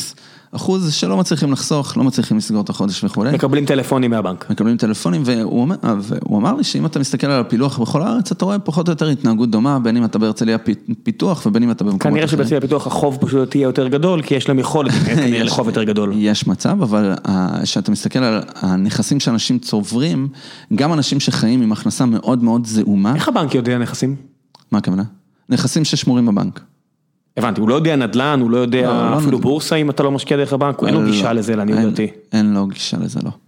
אם אתה מעמיד את זה כערבות כנגד משהו, אז בסדר, אבל כן. לרוב לא. לא, אין אה, תשקיף. גם אתם לא יודעים. אה, אנחנו לא יודעים אה, נדל"ן, אבל אנחנו יודעים כן. היום המון, אנחנו... יש מאז החוק הזה של האנטי הלבנות שקצת עצר את הנדל"ן המשוגע בארץ, עכשיו מכריח את הבנקים לברר, אז עשיתי את ה-KYC הזה בעצמי, כן. אהה. זאת אומרת יש הרבה סטטיסטיקות שהן מעוותות רק טיפה בשפיץ, בלמטה זה נכון כל מה שאתה כן. אומר, אבל יש אנשים שרשומים בארץ בתור אביונים ויש להם איזה עשר דירות בתל אביב. כן, לא, אה, קשה לי להעיד אבל על זה לא, זה לא, זה לא מעיד על כלום, בדיוק הנקודה, שאנשים משתמשים בנתון הזה כדי להגיד, אה, העוני פה בארץ מוגזם. אם תכניסו את החבר'ה האלה, תשקללו, זה לא שינה כלום. לא. זה כנראה לא שינה כלום. זה לא והנה, and it's gone, וזהו, עכשיו הכנסנו את זה פנימה וזה לא שינה כלום. אה, כן, זה לא שינה. הממוצע עלה מ-6,500 ל-7,200, לא, נניח. זה- לא לא באמת כן. מזיז את המחט. לא. אמ, אז בשורה התחתונה אתה רואה אנשים שמתנהגים בצורה מסוימת, גם במקומות שבהם לא מכניסים הרבה מאוד כסף, ואתה מבין שזה עניין מנטלי והתנהגותי ולא רק פיננסי אובייקטיבי. אמ, ואז אתה מנסה למצוא את הדרך, לגרום לאנשים אה, להישאר אה, נאמנים לדרך מסוימת, בצורה שתהיה מספיק קלה להם לאורך זמן. אז זה תכלס מה שאנחנו מנסים לעשות, לבנות... אתם מדליקים נורות אדומות על דברים שהם בבירור. בעייתיים? ברור, אמ, ברור. אבל אתם, מה אתם, אוקיי, בוא נדבר על, מה- אתם, למה אתם נחשפים, מה אתם רואים? אנחנו רואים את כל ההתנהגות הפיננסית, התזרימית החודשית, כאילו... הכל מזומן אתם לא. יודעים מה מה קורה איתו? כן, אבל מזומן בתכלס אנחנו מתייחסים אליו כמו פאני מאני, משכת כסף מזומן, אנחנו רושמים את זה כהוצאה, פחות משנה על מה אתה מוציא את הכסף. למרות שזה, אתה יודע, אבל סביר להניח שבעתיד נאפשר לאנשים לכתוב על מה הם מוצאים את הכסף. אתה מכיר את זה שאתה נוסע. ומסתכל על, אה, אה, נראה לי בתל אביב זה פחות נפוץ, אבל אתה נוסע בפריפריה ואתה רואה כל מיני אה, אולמות ספורט נהדרים שמרכז הפיס בנה, כן. ואתה אומר, היי, מאיפה יש לכם את הכסף הזה? זה מס עוני. אז המס עוני הזה הוא לרוב מזומן, Mm. ואותו פאני מאני שאתה מגדיר, יכול ללכת ל... לא יודע לא מה, טוב. לפסיכולוג שמשנה לו בשחור, כי 20% מהארץ אה, זה כלכלה שחורה, אני- לעניות דעתי רק קוריאה ואיטליה מעלינו, Mm-hmm. אהה. או להימורים. כן. וזה מסוג הדברים הענקיים האלה, שאתה אומר, כמה זה משפיע על... לא, בפיס, בפיס יש גם מודל מנוי. אריאלה כבר עם subscription כמו גוגל? ממש subscription big time, אנחנו רואים המון אנשים שיש להם ואתה אומר לבן אדם, היי תקשיב הסטטיסטיקה פה נגדך? אז אחד הדברים המעניינים שראינו זה שצמצום הוצאות קבועות, ביטול מנויים ודברים כאלה, זה לא הדבר שבאמת מזיז את המחט בנקודת הפתיחה לחיים כלכליים של אנשים. וואלה. כן, כי אין להם מטריקה אחת לעשות עליה אופטימיזציה. רק ברגע שאתה בא ואומר, הם, תשמע, עד סוף החודש יש לך 1,288 שקל. אה, אל תוציא יותר מזה וככה תנצח את החודש, רק אז אפשר להתחיל לדבר איתך על אופטימיזציה. אז זה ממש לא השלב הראשון המעניין, חיסכון בהוצאות קבועות. זה גם לרוב אה, די קשה. כאילו, היום לריב עם סלקום ולצמצם דברים כאלה, זה לא דבר שקל לעשות בקנה מידה גדול, כי אין באמת אה, תשתית טובה לעשות את זה, אין APIs וכאלה, בסוף מישהו צריך להרים טלפון. ואז גם אם אתה רוצה להעביר בן אדם מסלקום ל-whoever, איזה ספק אחר, אז בן אדם צריך להפסיד כמה שעות עבודה, כי הוא מחכה לאיזה מישהו שיביא לו איזה SIM card כדי להחליף אותו. אז בסוף זה לא באמת משתלם. לא שזה לא דרך, אתה יודע, שלא לא תצאו מפה, בכל זאת תעברו על זה, על המנויים שלכם, יכול להיות שיש לכם כן. מנויים שאתם לא צריכים. זאת אומרת, כן. תשאלו את עצמכם שאלות אם אנחנו צריכים את השירות הזה או כן. אחר, אז, אבל אה, אתה אומר זה לא הדבר זה הראשון. דבר שנעשה בעתיד, אבל זה ממש לא הדבר הראשון. הדבר היותר מעניין הוא לזהות התנהגויות, אמ, כל מיני weak spots כאלה, כל מיני חולשות שיש לך. אם אתה קונה מלא קפה בחוץ או עושה shopping. Yellow, אתה יודע כמה אנשים, יש לי מוקדש ל- אה, לחבר שאני לא אציין את שמו, שהוא הרבה על הרבה על הכביש כי זה העבודה שלו, ואני מניח שהוא. מאזין עכשיו. מכור. ותמיד אנחנו, אתה יודע, תמיד שואלים אותו, בחבר'ה, כאילו, אם אתה מסתכל על כמה יש לך הוצאות בחודש, ארבע ספרות. כן, לא מפתיע. וזה, וזה בבירור הוצאה שאתה יכול לחסוך, במאה אחוז, מהמ- זאת אומרת, לא ב-99, מאה אחוז מהמקרים זה הוצאה שאתה יכול לחסוך, קפה אתה יכול להביא מפה, אתה יודע, אתה יכול להביא מהבית, מאה אחוז מהזמן זה משהו שאתה לא צריך להוציא. אבל אתה יודע, זה, קשה, כי זה צורך אנושי, הרבה אה, פעמים. אתה יודע, אני נוסע איתו למשחקים של הפועל באר שבע, אני יודע, אני חלק מהפעמים האלה אה, איתו קונה את הבורקס שאני לא צריך, ואני חייב להגיד לך שהבוטנים האמריקאים ליד הקופה ב-Yellow, פאקינג רעיון גאוני. בוודאי. ממש קשה. ego depletion. ואל תשלחו לי שהמחקר הזה לא יוצא למדויק, יודע, קראתי, עדיין אחלה, זה- נחמד, רעיון, כן. החולשה של כולנו. כן. אמ, אז אנחנו בהחלט מזהים אה, נקודות חולשה כאלה ומנסים לעזור לאנשים להתמודד איתן, בעצם להגדיר לעצמם יעדים, ואז אנחנו פשוט מתזכרים אותם ונותנים להם את הכוח, גם מנטלית וגם התנהגותית, אה, להתמודד עם ההוצאות האלה. אה, ואז בסופו של דבר, בשורה התחתונה, אתה יודע כמה כסף יש לך באמת בכל רגע כדי לקבל באמצעותו החלטות. אמ, שזה דבר שהוא סופר סופר משמעותי. למה בחרתם למשל, זאת אומרת, אתם משתמשים נגיד הרבה בוואטסאפ, אהה. זה משהו שעוד עשית עוד לפני רייזאפ, ראיתי אותך, קראתי קצת, אה, אתה ראית את זה כמש, כ, כ, כנתיב אפשרי להצלחת המשימה הזו עוד בטח. לפני רייזאפ, למה, איך הגעת לה- להבנה הזו? אה, תשמע, אתה חי בוואטסאפ. היום אה, בדיוק קראתי איזה פוסט נחמד של NFX על ה-Human Network Effects. יש לך בחיים, אתה חושב שהתחתנת בצורה מסוימת בגלל שבחרת, לדוגמה, אבל זה כאילו, יכול להיות שזה חלק מהמעגל הברור של החברים שגדלת איתם, שגרמו לך לפגוש את אהבת חייך, או כל מיני החלטות אחרות שלקחת בחיים, הן קשורות באופן ישיר ל-Human Networks. דורון בטוח שהוא עשה את זה. את מה? אה, שהוא אחראי לזוגתי, אבל אתה יודע. לא, אבל זה Human Network, כן. נראה לי, אם אתה מגדיר אותו חלק מהנטוורק לגמרי. לא, לא, הוא הוא לוקח אחריות. כן. איזושהי אחריות. כן. אז איפה בעצם ה-Human Networks באות לידי ביטוי אצלך בחיים היום? בוואטסאפ. הייתי טוען שרוב הצרכים האנושיים שלך באים לידי ביטוי בקבוצה, או בשיחה בוואטסאפ. מעבר אני לא לזה- חולק. כן, זה, זה ממש, כאילו אתה עובר על וואטסאפ של אנשים. את הביקורת על מה שאתה אומר עכשיו, אני מקבל, אני עכשיו מדבר על עצמי בעתיד, על עוד יום, יומיים, שלושה, אני מקבל את זה כרגע בקבוצת וואטסאפ. אין ספק. הוא. צדק, זה זה מה שהיא שלח לי. אני אשלח לך צילום מסך. אני בעוד שלושה ימים אשלח לך בעוד שלושה ימים. מדורון. לא, לא יודע מדורון, לא, דורון לא נראה לי כבר מאזין, הוא עסוק. אני. אה, אני יודע מה עובר עליו עכשיו, אז הוא עסוק. אבל מאנשים אחרים, מה הוא מה- מה הוא מהיילו, הוא ישלח לי. זהו, אז אז כשאתה מסתכל בעצם על וואטסאפ, אתה מבין שני דברים. ה-Human Network שלי קיימות בתוך הוואטסאפ, אמ, והעתיד הזה של סופר אפליקיישנס, שבעצם אתה יכול להתחבר אליהן, כי הן גם ככה מנהלות את כל החיים של אנשים. זה הגיע מוויצ'ט? זה מגיע מוויצ'ט, זה לא, מגיע... זאת אומרת, המחשבה אצלך, היא הגיעה אחרי כן, כן, שקראת על וויצ'ט? כן, חד משמעית, גם, בוא, אני לא, לא המצאתי שום דבר, פשוט לא, קראתי את הדברים הנכונים. הכל בסדר, השאלה מאיפה זה, אני רק מנסה להבין מאיפה כן. זה הגיע. מוויצ'ט. כן, כן, לחלוטין. עכשיו, גם אם אתה מסתכל על וואטסאפ, ואתה חושב על העולם הזה של downloads, איך אתה בעצם נאבק על אה, לעשות download לאפליקציה, שהיום הממוצע ל-downloads בארצות הברית זה אפס, אה, הורדות של אפליקציות, אתה מבין שאתה צריך למצוא איזה hack. ודיברתי הרבה עם החבר'ה מוואטסאפ, מפייסבוק, ואנחנו ממש אחד השירותים הראשונים שבנה את עצמו על בסיס קבוצה בוואטסאפ. אה, כי היה ברור לנו שאנחנו לא נצטרך להיאבק על downloads, וגם רצינו שיחה שהיא open-ended עם הלקוחות שלנו. אה, אתה תמיד נאבק בתור מנהל מוצר על feedback loop עם לקוחות, ופשוט בנינו מוצר שהוא feedback loop. כי שיחה בוואטסאפ שמדברת על כסף, זה feedback loop מאוד מאוד מאוד טוב כדי להבין מה לקוחות באמת צריכים. ככה בנינו את זה, אה, זה היה הרעיון המסדר, וגם רצינו להפוך כסף לשיחה פשוטה.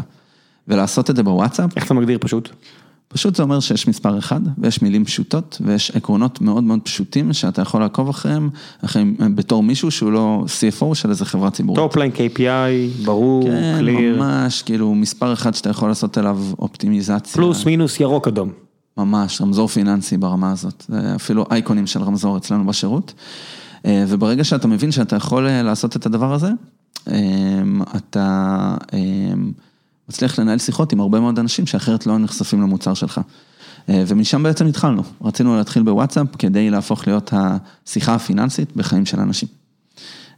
וזה הוכיח את עצמו, פשוט מאוד מאוד מהר, אנשים הרגישו מאוד בנוח לדבר איתנו על כל דבר פיננסי שהפריע להם. האמת שזה התחיל ממש בצורה הרבה יותר open-ended, דיברו איתנו על כל מיני חוויות מנטליות, אה, רגשיות שעוברות עליהם, והיינו מאוד צריכים להגדיר את מערכת היחסים עם הלקוחות כן, אני שלנו. מודה שכשמי שמתנהל כנראה יחסית בסדר עם הכסף שלו, לא חוויתי את ה- את הקושי הזה, Mm-hmm. כן. אבל כיוון שאני בחוץ מאוד סקרן לגבי התנהגות אנושית וכן רוצה לחיות אה, בעמי, אז טוויטר נותן לי הצצה לזה ואתה רואה אנשים שהלחץ, הפחד הזה מהשיחה מהבנקאי. זה משהו שתופס להם 80 אחוז CPU לפחות. או, תמיד חד אני הולך לאנלוגיות המטופשות שלי, וה task manager שלהם די נחנק, זאת אומרת שאתה ברור. חי בפחד מהשיחה הבאה מהבנקאי, חד משמעית. היכולת שלך לחשוב על העסק הבא שלך, או על הדרך הדבר שלך ליצור כסף, יורדת לאפס. נכון, או איך לשרוד את מחר. איך לשרוד את היום, מה מחר? איך לשרוד את היום? לגמרי. והכי מצחיק, ה vicious cycle פה זה שאתה תצא ותוציא כסף שאתה לא צריך, כי יש ego depletion או כל תופעה פסיכולוגית אחרת, שלא מאפשרת לך אפילו לעשות החלטה אה, כלכלית אה, יציבה, כי אתה לא במקום יציב בחיים שלך. כן, אין ספק, אנחנו רואים את זה כל הזמן, וממש עוזרים לאנשים להתמודד עם ה cycle הזה. כן, חישגרד נראה לך הרבה יותר הגיוני כנתיב, זאת אומרת, יש אה, בקינג ג'ורג', במקום עבודה הקודם שלי הייתי צריך לעבור שם פשוט בדרך הביתה. ואתה רואה את הנרקומנים של ה... של... יש, יש הרבה מקומות של... שהם פעם היו כלובים של קזינו והיום מפעל הפיס מתחזק אותם. כל האלה של המכונות, שלא ברור לי איך זה חוקי ואיך זה בסדר, אבל מדינת ישראל אה, חיה מזה יופי ויש את כל העולמות ספורט היפים האלה, ונותנים לעסק- לעסקנים בליכוד לנהל אותם, כי זה רק המפלגה השלטת, זה לא שהמפלגה הקודמת הייתה יותר טובה, כן. אה, ואתה רואה. הם יוצאים כמו זומבים. כן, ואתה רואה שזה כמו, זה כאילו נרקומן של הרואין, זה יכול להיות אותו דבר. כן, תשמע. וליפול לזה זה לא, לא שונה כל כך. אתה יודע מאיפה מפעל הפיס התחיל בעצם בארץ? רצו לממן מחלקה חדשה באיכילוב והנפיקו כרטיסי גירוד. זה ממש איבד שליטה. אה, כי וזה- זה כוח פוליטי, למי שלא מבין זה כוח פוליטי, תראה מנויים, זאת אומרת אתה צריך לתת מנויים, מינויים לאנשים כדי שיצביעו כמו שאתה רוצה שהם יצביעו ואתה אומר הנה זה מינוי זהב.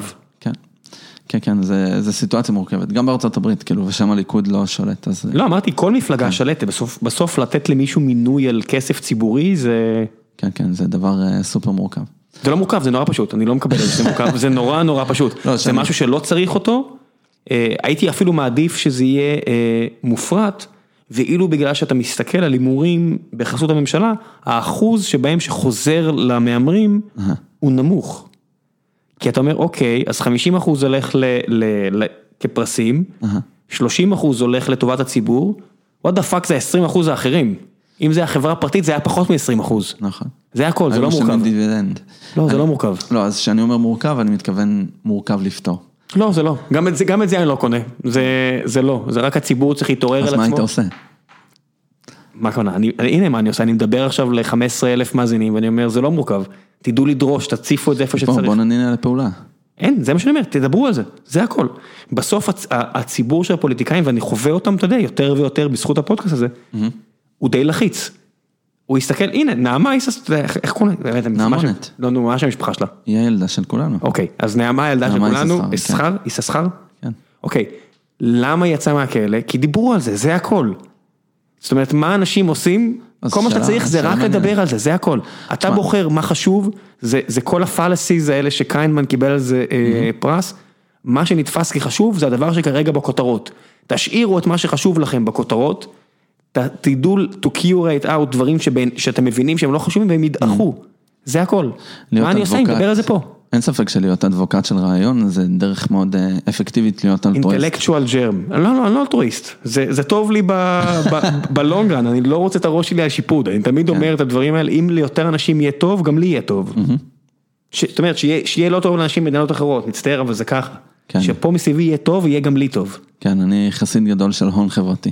כן. סוג של קרמה כזאת. אה, לא, לא. כמה, זה נורא פשוט, אני לוקח את זה מהגבוה לפשוט ולמיידי. אהה. בחברות שטוב מסביב, הראש של אף אחד הוא לא על שיפוד. Mm, תסתכל בשוודיה, נראה שטוב להם, תסתכל בדנמרק, נראה שדי טוב להם. די טוב להם. האלימות היא די נמוכה.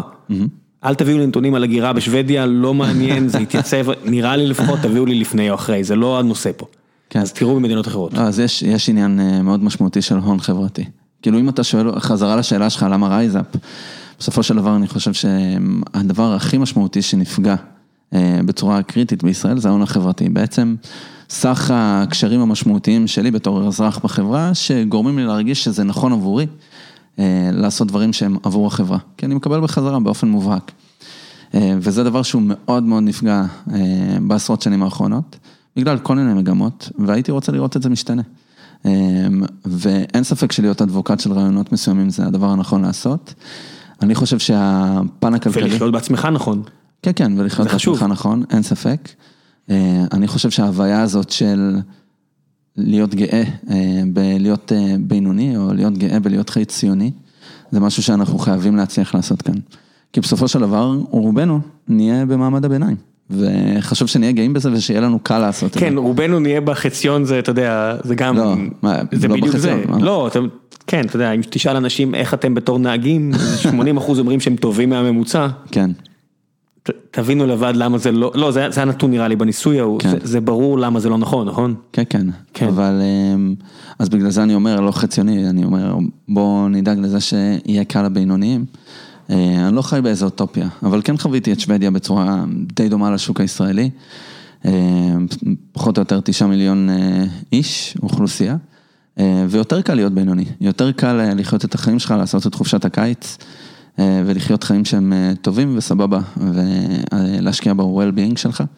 והייתי רוצה לחוות דבר דומה בישראל, וזה בהחלט לא המצב היום. שים את זה אפילו כ-KPI, well-being. אתה יודע, זה מצחיק, אח שלי, שהוא האריה שאני יכול להתייעץ איתו, הוא דוקטור לכלכלה, והוא גם היה פה באחד הפרקים, אז הוא חוקר עושר עם א', לא בהכרח עם עין, ואם הממשלה תשים את זה למשל כ-KPI, להגיד, אוקיי, חשוב לנו שהאזרחים פה יהיו מאושרים, מה מסב להם בעיה? כן, אבל דווקא במדד העושר, הישראלים אה, טוענים שהישראלים סבבה. אני לא רוצה להשוות אפילו אה, למדינות אחרות, אני רק כן. רוצה לשפר את המצב הקיים.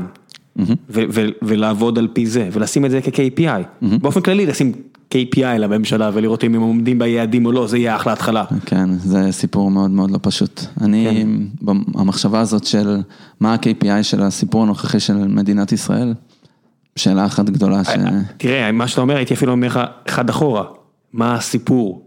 לא לא של KPI. כן. היה לך סיפור פה מעולה, נרטיב פנטסטי, יש לי כן. פה בחוץ, אני מספר שיש לי את הבובות ההיסטוריות שלי, יש שם דף מלא בובות היסטוריות, ואחת מהן זה של הרצל, כי הוא היה אחד היזמים הפנטסטיים. כן. לגמרי. הוא ייסד את, ה- הוא די מאלה שייסדו את הסיפור המעולה הזה של ציונות. לגמרי. שקצת מצד עצמו, זאת אומרת, אה, תשמע, הרצל, צ'ק, בן גוריון, צ'ק, די. בטוח להיות כאן סך הכל. כן. ועכשיו יש... צריך אה, סיפור חדש. ממש צריך סיפור חדש. ו- ולא רק בגלל שהסיפור הוא לא טוב, אלא כי אני מסתכל סביב ואני רואה שזה לא הסיפור ששגור בפי הרוב המוחלט של האנשים. לגמרי. ואם אין סיפור, אז לפחות שיהיה שיר, ושדורון מדלי יכתוב אותו. שיהיה סיפור. לא, לא, זה לא עובד, זה, לא עובד בלי סיפור, אתה מבין? חד משמעית, אני חושב שהסיפור הוא חסר. כן. אה, ובתור יזמים, אני חושב שהיינו רוצים לשרת סיפור יותר גדול. אה, אנחנו ברייזאפ מנסים לספר סיפור של טכנולוגיה יכולה לעשות שינוי חברתי. שמה start-up nation אנחנו יכולים להפוך ל social technology nation ולייצר כאן באמת הסיפור הזה של חברת מופת וכולי וכולי וכולי, אבל מה הסיפור זו שאלה שאני מתמודד איתה המון, ואין לי באמת תשובה. אה, ואם אין סיפור אין מדד, ואם אין מדד אי אפשר לגייס כסף. אז אה, יש הסיפור כאן... שלי אה, הוא be better. אני מודה, זה אפילו אחד מהערכים, constantly improve, זה אחד הערכים פה בחברה, ואני אומר את זה, הייתי רוצה שקבוצת כדורגל שלי תתנהל ככה, הייתי רוצה שהמדינה שלי תתנהל ככה, הייתי רוצה להתנהל ככה בעצמי, כן. החברה פה, זאת אומרת, company, לא, כן, כן, אבל לא גם הייתי. רוצה שהסוסייטי be better, מה אני- מה אני עושה היום, איך אני יכול להשתפר. שיפור ש- מתמיד, כן. שזה יהיה הסיפור, אני אני חושב שזה סיפור בן זונה, אני חושב שאני יכול, שלא אני, מישהו צריך למכור אותו שהוא, לרוץ על הטיקט הזה של be וזמן better. האיטרציה, אולי אה, learning period, כמה זמן לוקח לנו להטמיע קונספט חדש במדינה. כן, 70 שנה זה נגיד אה, יותר מדי, כן, הייתי הולך על חצי שנה. חצי, ש- אתה אומר כל בחירות.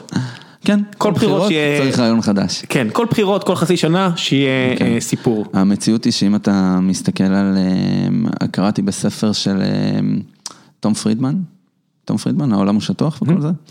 אה, נראה לי הספר האחרון, הוא היה קצת ספר מלאה, אבל היה שם עיקרון מעניין, שמדינה מאמצת טכנולוגיה חדשה בין 10 ל-15 שנה, זה הסייקל. והיום אנחנו בתור צרכנים מאמצים טכנולוגיה חדשה כל חצי שנה. וזה מסביר את הפער בצורה הכי הכי הכי פשוטה.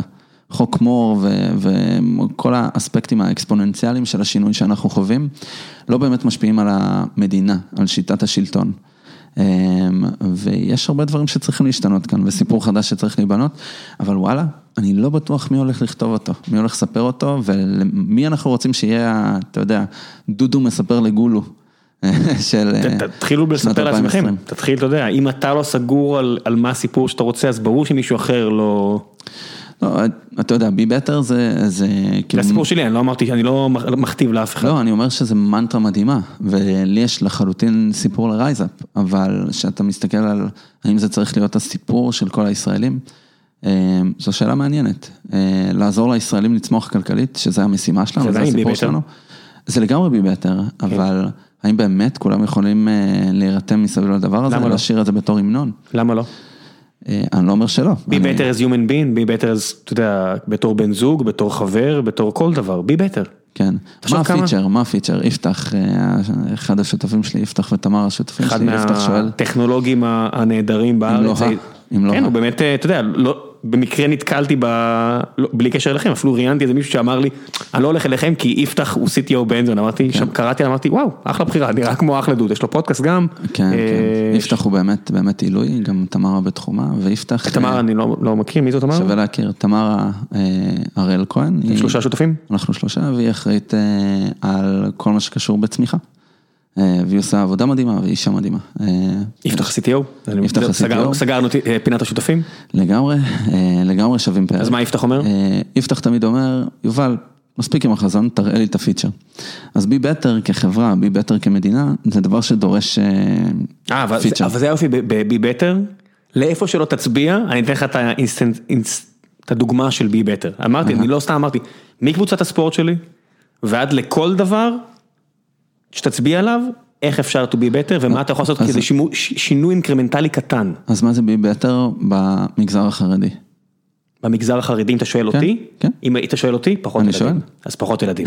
העובדה שהמדינה שלנו על 24 אלף קילומטריה, מעודדת אנשים להביא 7.1 ילדים בב- ב- במגזר החרדי, אבל הנה, זה בוא. ההתחלה של הכל, זה אבל- לא יכול, זה, תסתכל, אז, אז בבי בטר גם זה הולך צריך- להתפוצץ. לא, אבל, אז סבבה, אבל בי בטר גם צריך ענווה, כי כשאתה בא ומדבר עם, ה, עם חרדים, ואתה מדבר איתם על תביאו פחות ילדים, אני לא, אני, לא, אני לא מנהל אפילו את השיחה כי אני לא יכול לנהל את השיחה הזאת, זה חייב לבוא בשיטת התמריץ. אם התמריץ, אם, אם זה גם, אה, אתה יודע, אה, חובה, מבחינתם חובה דתית, שהם יכולים להגן עליה, ואני כמדינה מחליט שזה זכות, אז אני בבעיה. ואני חושב שאני לא יכול לקפוץ מעל הסעיף הזה. זאת אומרת, זה סעיף שאם אתה מסתכל עליו, כל תמה שלא נבחר לספר עלינו לא מחזיקה מים 50 שנה מהיום. וכיוון שהילד שלי בן שנה וחצי, 50 שנה מהיום הוא אמור לחיות ואני בחרדות לגבי הסיפור הזה. זאת אומרת, ערבים מביאים כבר 3.1, שזה כבר מתקרב ל- לאותו 2 נחשף של בוא נשאר באוכלוסייה שלנו ולא נדעך כמו יפן, סלובקיה, פולין וכו'. 7.1 לא מתכנס לשום צורה. אין עוד אוכלוסייה בכדור הארץ שמביאה 7.1, אני לא יכול לחיות עם זה בשלום. זאת אומרת, יש לנו הרבה קהל חרדי שהולך לשלוח לי הודעות וזה קורה, זה לא מתכנס לשום דבר. אז כשאתה אומר בי בטר על החברה החרדית, אז מישהו בחברה החרדית צריך לספר את הסיפור של הבי בטר. ואז להגדיר מה זה הבי בטר מבחינת החברה החרדית. יש כי- להם את ההגדרה שלהם, הם להיות יותר חזקים. זאת אומרת, הם יודעים מה, למה הם מגדירים כח- כחוזקה, והם עושים אופטימיזציה על זה. הסיפור שלהם מאוד קוהרנטי אלפיים שנה, מי שנשאר חרדי. אני פשוט לא חושב שזה הסיפור הנכון עבור המדינה. כן, האמת, אני בענווה לא יודע להגיד אה, הרבה יותר ממה שאנחנו אומרים כאן על המגזר החרדי, אבל הסיפור הזה של בי בטר, אתה יודע, זה, זה קשה לבוא ולהגדיר חיצונית אה, למגזר שאתה לא באמת חלק ממנו, מה זה בי בטר, אבל אני לא מכתיב את זה רק להם, אני אומר באופן. כללי. כרעיון מסדר. כן, כרעיון מסדר, העניין הזה של bring more kids למדינה שזה בבירור לא הבעיה שלה, אני לא בטוח אם זה הכיוון הנכון, אם זה better. זאת אומרת, על מה אתה עושה פה better. זהו, זה, זה, אני לא אומר את זה ב, ב... אני לא מכתיב לאף אחד, אני רק שואל לאיפה זה הולך. האם זה בי better? ואם לא, מה הסיפור שאתה מספר לי? זה הכל, רק, רק, רק המספרים, אלא אם כן הולכים לכבוש פה עוד שטח ולא מספרים לי, או אלא אם כן עוד שטח, אתה יודע, כן, אני, אני לא מבין, זאת אומרת, אני הייתי שואל את השאלה הזו, ואני עושה את זה אוף דה רקורד פוליטיקאים, ואתה יודע, אני לא מקבל את התשובות שאני רוצה. כן, אני פשוט חושב שזה טיפה אמורפי כנראה מדי לרוב. לא, זה. לא, הם אומרים לי שזה לא, הם אומרים שזה פשוט בעייתי לדבר על זה, כי זה הרבה מצביעים. הבנתי. אז אתה אומר שמכאן אנחנו יכולים לצאת בקריאה על אה, כל אה, מדינת ישראל to just be better, ואז הכל יהיה better. אני, אני חושב שכן, אם זה, ה... אם אתה יכול לשאול את זה ולענות על זה, זה טוב. אני ממש, אה, כאילו, אני עומד לנסות את זה. אני פשוט אה, רוצה לוודא שזה לא מרגיש כמו Don't worry be happy. לא, להפך, ורי, בי בטר, אם אתה לא דואג על להשתפר, אתה לא תשתפר. worry be better. לא, בא אליי אה, אחד העובדים ואמר, תקשיב, אה, בפגישת חברה האחרונה, הרגשתי שלא הייתי מספיק טוב בדיבור מול קהל, יש לך עצות בשבילי?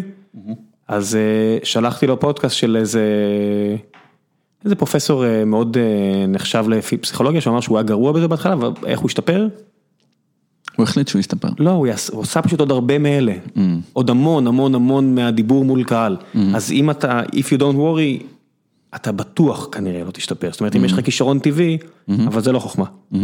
יאללה בוא נעשה קצת שאלות מהקהל, ואני אשחרר את את שנינו פה. בטח. אה, אמ, שנייה אחת, היידה. מולי אה, גלמן שואל, איך אתה וגיל הירש מעודדים הצלחה בתוכנית שהקמתם לשיפור איכות מנהלי מוצר, מה ה-KPI המרכזי מבחינתכם? 30 מנהלי מוצר world class בישראל. world class זה אומר אה, אנשים שיכולים לעבור Silicon Valley style interview. אז אנחנו לא קרובים ל-30, יש לנו בערך שבעה ברשימה. כן, אני נכשלתי, אני ניסיתי, לא הצלחתי, אז אני לגמרי לא ברשימה הזו. אז אנחנו ממש אה, מנסים אה, להשלים את הרשימה וזה fucking קשה. כן. אה, אז אנחנו כל הזמן שואלים את עצמנו אם מה שאנחנו עושים הוא בכלל אפקטיבי. עד שלא פגשתי את גיל ואנחנו עכשיו מעבירים את הרעיונות כמו שעושים בחברה ממנה הוא בא, אני מבין כמה לא היה לי אפס סיכוי לעבור את הרעיון הזה. כן. זאת אומרת, אני אפילו לא לא דיברתי את השפה עד שפגשתי את כן, גיל. כן, זה, זה ממש שפה אחרת, זה state of mind אחר. כן. אז אה, אנחנו בעצם עושים אופטימיזציה ל-30 מנהלות ומנהלי מוצר וורד קלאס, ואנחנו מאמינים שרשימה כזאת תעשה שינוי בישראל ב-execution. כי הם ילמדו אחרים גם. אם ילמדו אחרים, כן, אנחנו בוחנים עוד כמה היפותזות שונות, הרבה פעמים אנחנו אומרים לעצמנו, יש מצב שאנחנו פשוט צריכים להמשיך להכשיר אנשים בעצמנו בחברות שלנו. ליניארית. אה, כן, אבל אה, אתה יודע, אם אתה צריך אה, to be better, הנה אני מתחיל ליישם, אז כנראה במקום שאתה פוגש כל יום, יש לך את הסיכוי הכי גדול להצליח. נועם דוידסון שואל, איך אפשר לעזור לאנשים לצאת מהמינוס כאשר חלוקת ההון לא שוויונית? אה, לבחון כל מקרה לגופו, אז אני פחות מתעסק במקרו. רוב האנשים, הבעיה שלהם היא לא המקרו, אלא ההתנהלות היומיומית שלהם. אה, חוסר שוויון יישאר. אה, אז אני חושב שפשוט צריך לעזור לאנשים בצורה נקודתית. יוהן, יונתן קאן שואל, או, איך אתה, מה זה KH, K-A-H-N, כאן? כאן, כאן, כן. כהן? כמו מוריס כאן. כנראה. אה, למה כל כך הרבה מהכלים הללו מתמקדים בלהקטין הוצאות ולא בהגדלת הכנסות? כי הגדלת הכנסות זה מאוד קשה. זה fucking קשה. כן, כי אתה מסתכל, תחשוב מה האתגר האנושי, עוד לפני האתגר הטכנולוגי, בלעזור לאנשים לשפר הכנסה. אתה צריך להבין במה הבן אדם טוב, ואז אתה צריך לייצר לו מספיק supply, אה, שיהיה בעצם מספיק היצע ליכולות שלו. זה דבר מאוד מאוד קשה, בשוק קטן כמו השוק הישראלי, זה לא דבר שהצלחנו לפתור. מי שיצליח לפתור את העניין הזה, המפגש בין supply demand בתעסוקה, תעסוקה אינקרמנטלית, יבנה דברים מדהימים שישנו את החברה בצורה משמעותית. כן, אולי נגיע ש- לזה בסופו של דבר. הייתי אומר, אתה יודע, בעיקר על נשים, מ- מלראיין כל כך הרבה, ולא ניהלתי המון אנשים, אבל נשים, אם אתה רואה שהמשכורת שלה לא עלתה איזה שנתיים, תקפיץ היה לי איזה פנטזיה כזאת בפייפר, להקפיץ לה נוטיפיקציה, ביקשת העלאה היום? זה... לנשים, לא לגברים, כי עם גברים אין את הבעיה הזאת לרוב. לא, אמיתית זה דבר שהוא נכון. תראה, היום אנחנו מתמקדים באוכלוסייה של מורים, ולמורים יש secret power שנקרא שיעורים פרטיים, ואז בעצם אתה יכול לעזור להם להבין כמה שיעורים פרטיים הם צריכים לעשות בחודש, כדי להשיג את המטרה שהם רוצים להשיג.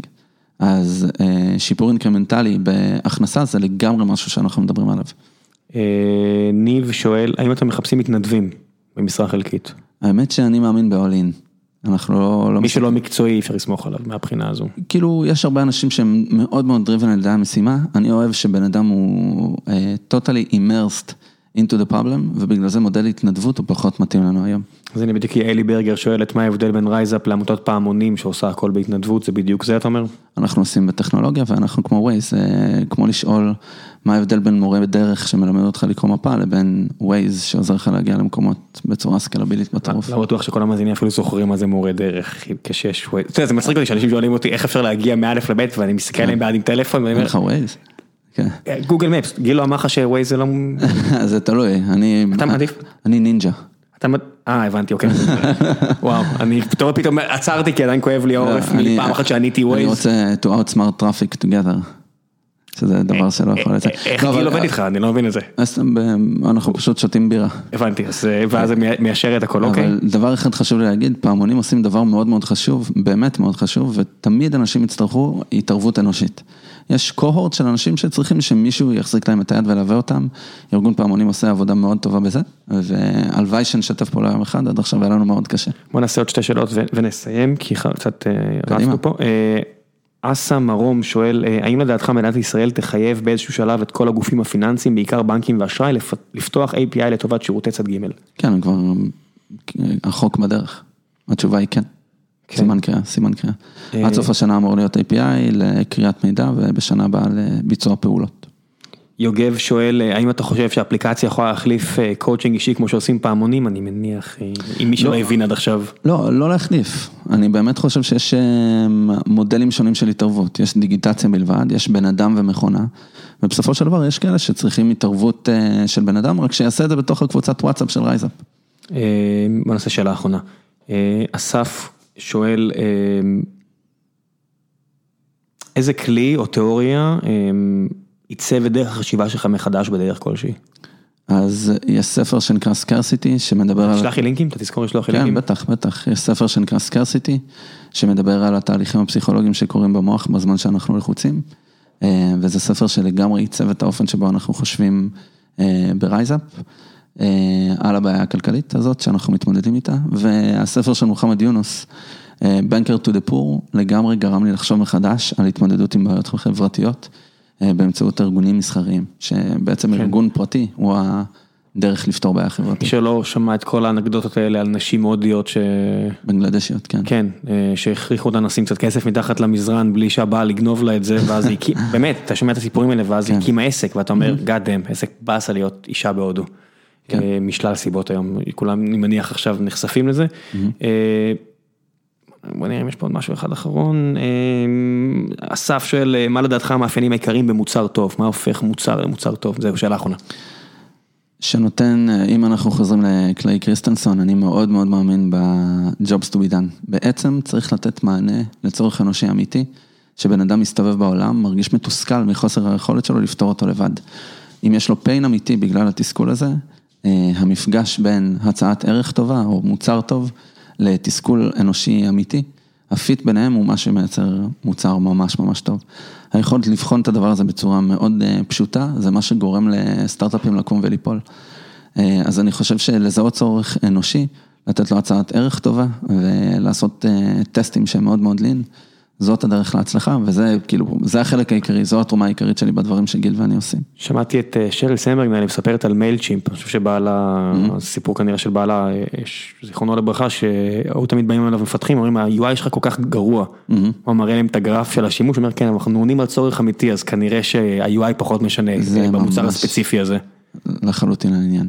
כן, אה, תפתרו בעיות של אנשים, זה, זה מוצר טוב. ממש, תפתרו בעיות של אנשים ותסגרו את הפידבק לופ בצורה אפקטיבית. אה, המלצות, חלק אחרון של הפרק, על מה בא לך להמליץ? אמרתי לך מראש, נכון? כן, כן, אמרת לי מראש. אנשים אה, שולחים לי, יש, אנשים ששולחים לי לפני כל פרק גיפים של אל תשכח, אה, באמת.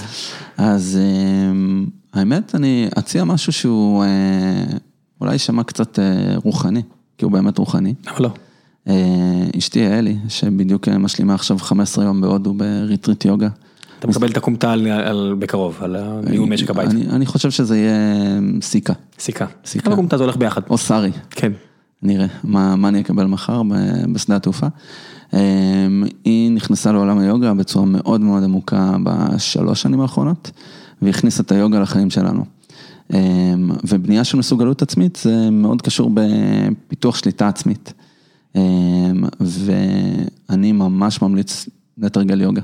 ממש, יש, יש את הקטע הזה ביוגה שאתה לוקח נשימה עמוקה והמצח טיפה מתקרב עוד טיפה לשוק ועוד טיפה לשוק, זה בדיוק בי בטר, אתה מבין? לא באמת, משם אני, ב- ביוגה שאתה מצליח, לי- רק עם להכניס אוויר פנימה, ואז אתה מקרב עוד טיפה. וכל פעם עוד טיפה, זה תחושה אדירה. זה ממש תחושה אדירה. בסופו של דבר היוגה, אה, כל המהות שלה זה לתרגל אה, השקטה של תנודות התודעה. אתה בעצם רוצה להגיע למצב שבו אתה נוכח ברגע, ואתה באמת ברגע, ואתה באמת רגוע. אתה מתמקד בתודעה שלך ולא בכל מיני דברים שמציפים אותך.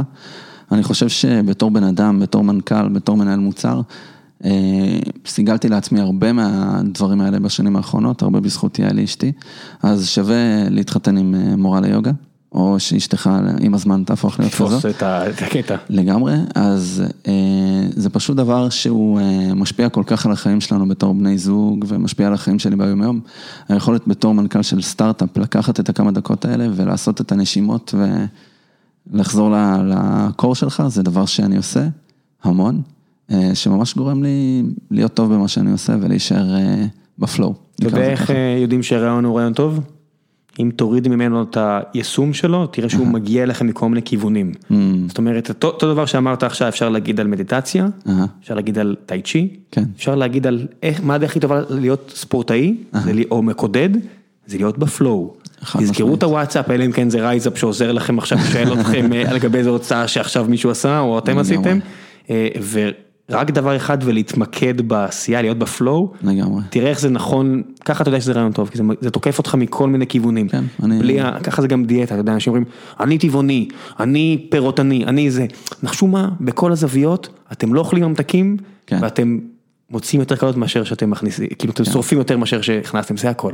כן, אז אצלי זה בא לידי אה, ביטוי, אולי זה חוזר לבי בטר שלך, אולי זה כן רעיון טוב. פשוט. אז כן, לגמרי. אז אה, המורה של המורה של יעלי, אה, מוהן, אומר משהו בסגנון של do your best, live the rest. וזה מסוג הדברים שבאמת גורמים לך לסוג של רגע קטן של שקט. וכשאני מתרגל, אני משתדל לתרגל כל בוקר, אז זה דבר שאני אומר לעצמי, ואני באמת בא, נותן את הכי טוב שלי כל יום, ונשאר בקור שלי. אז... better than some, worse than others.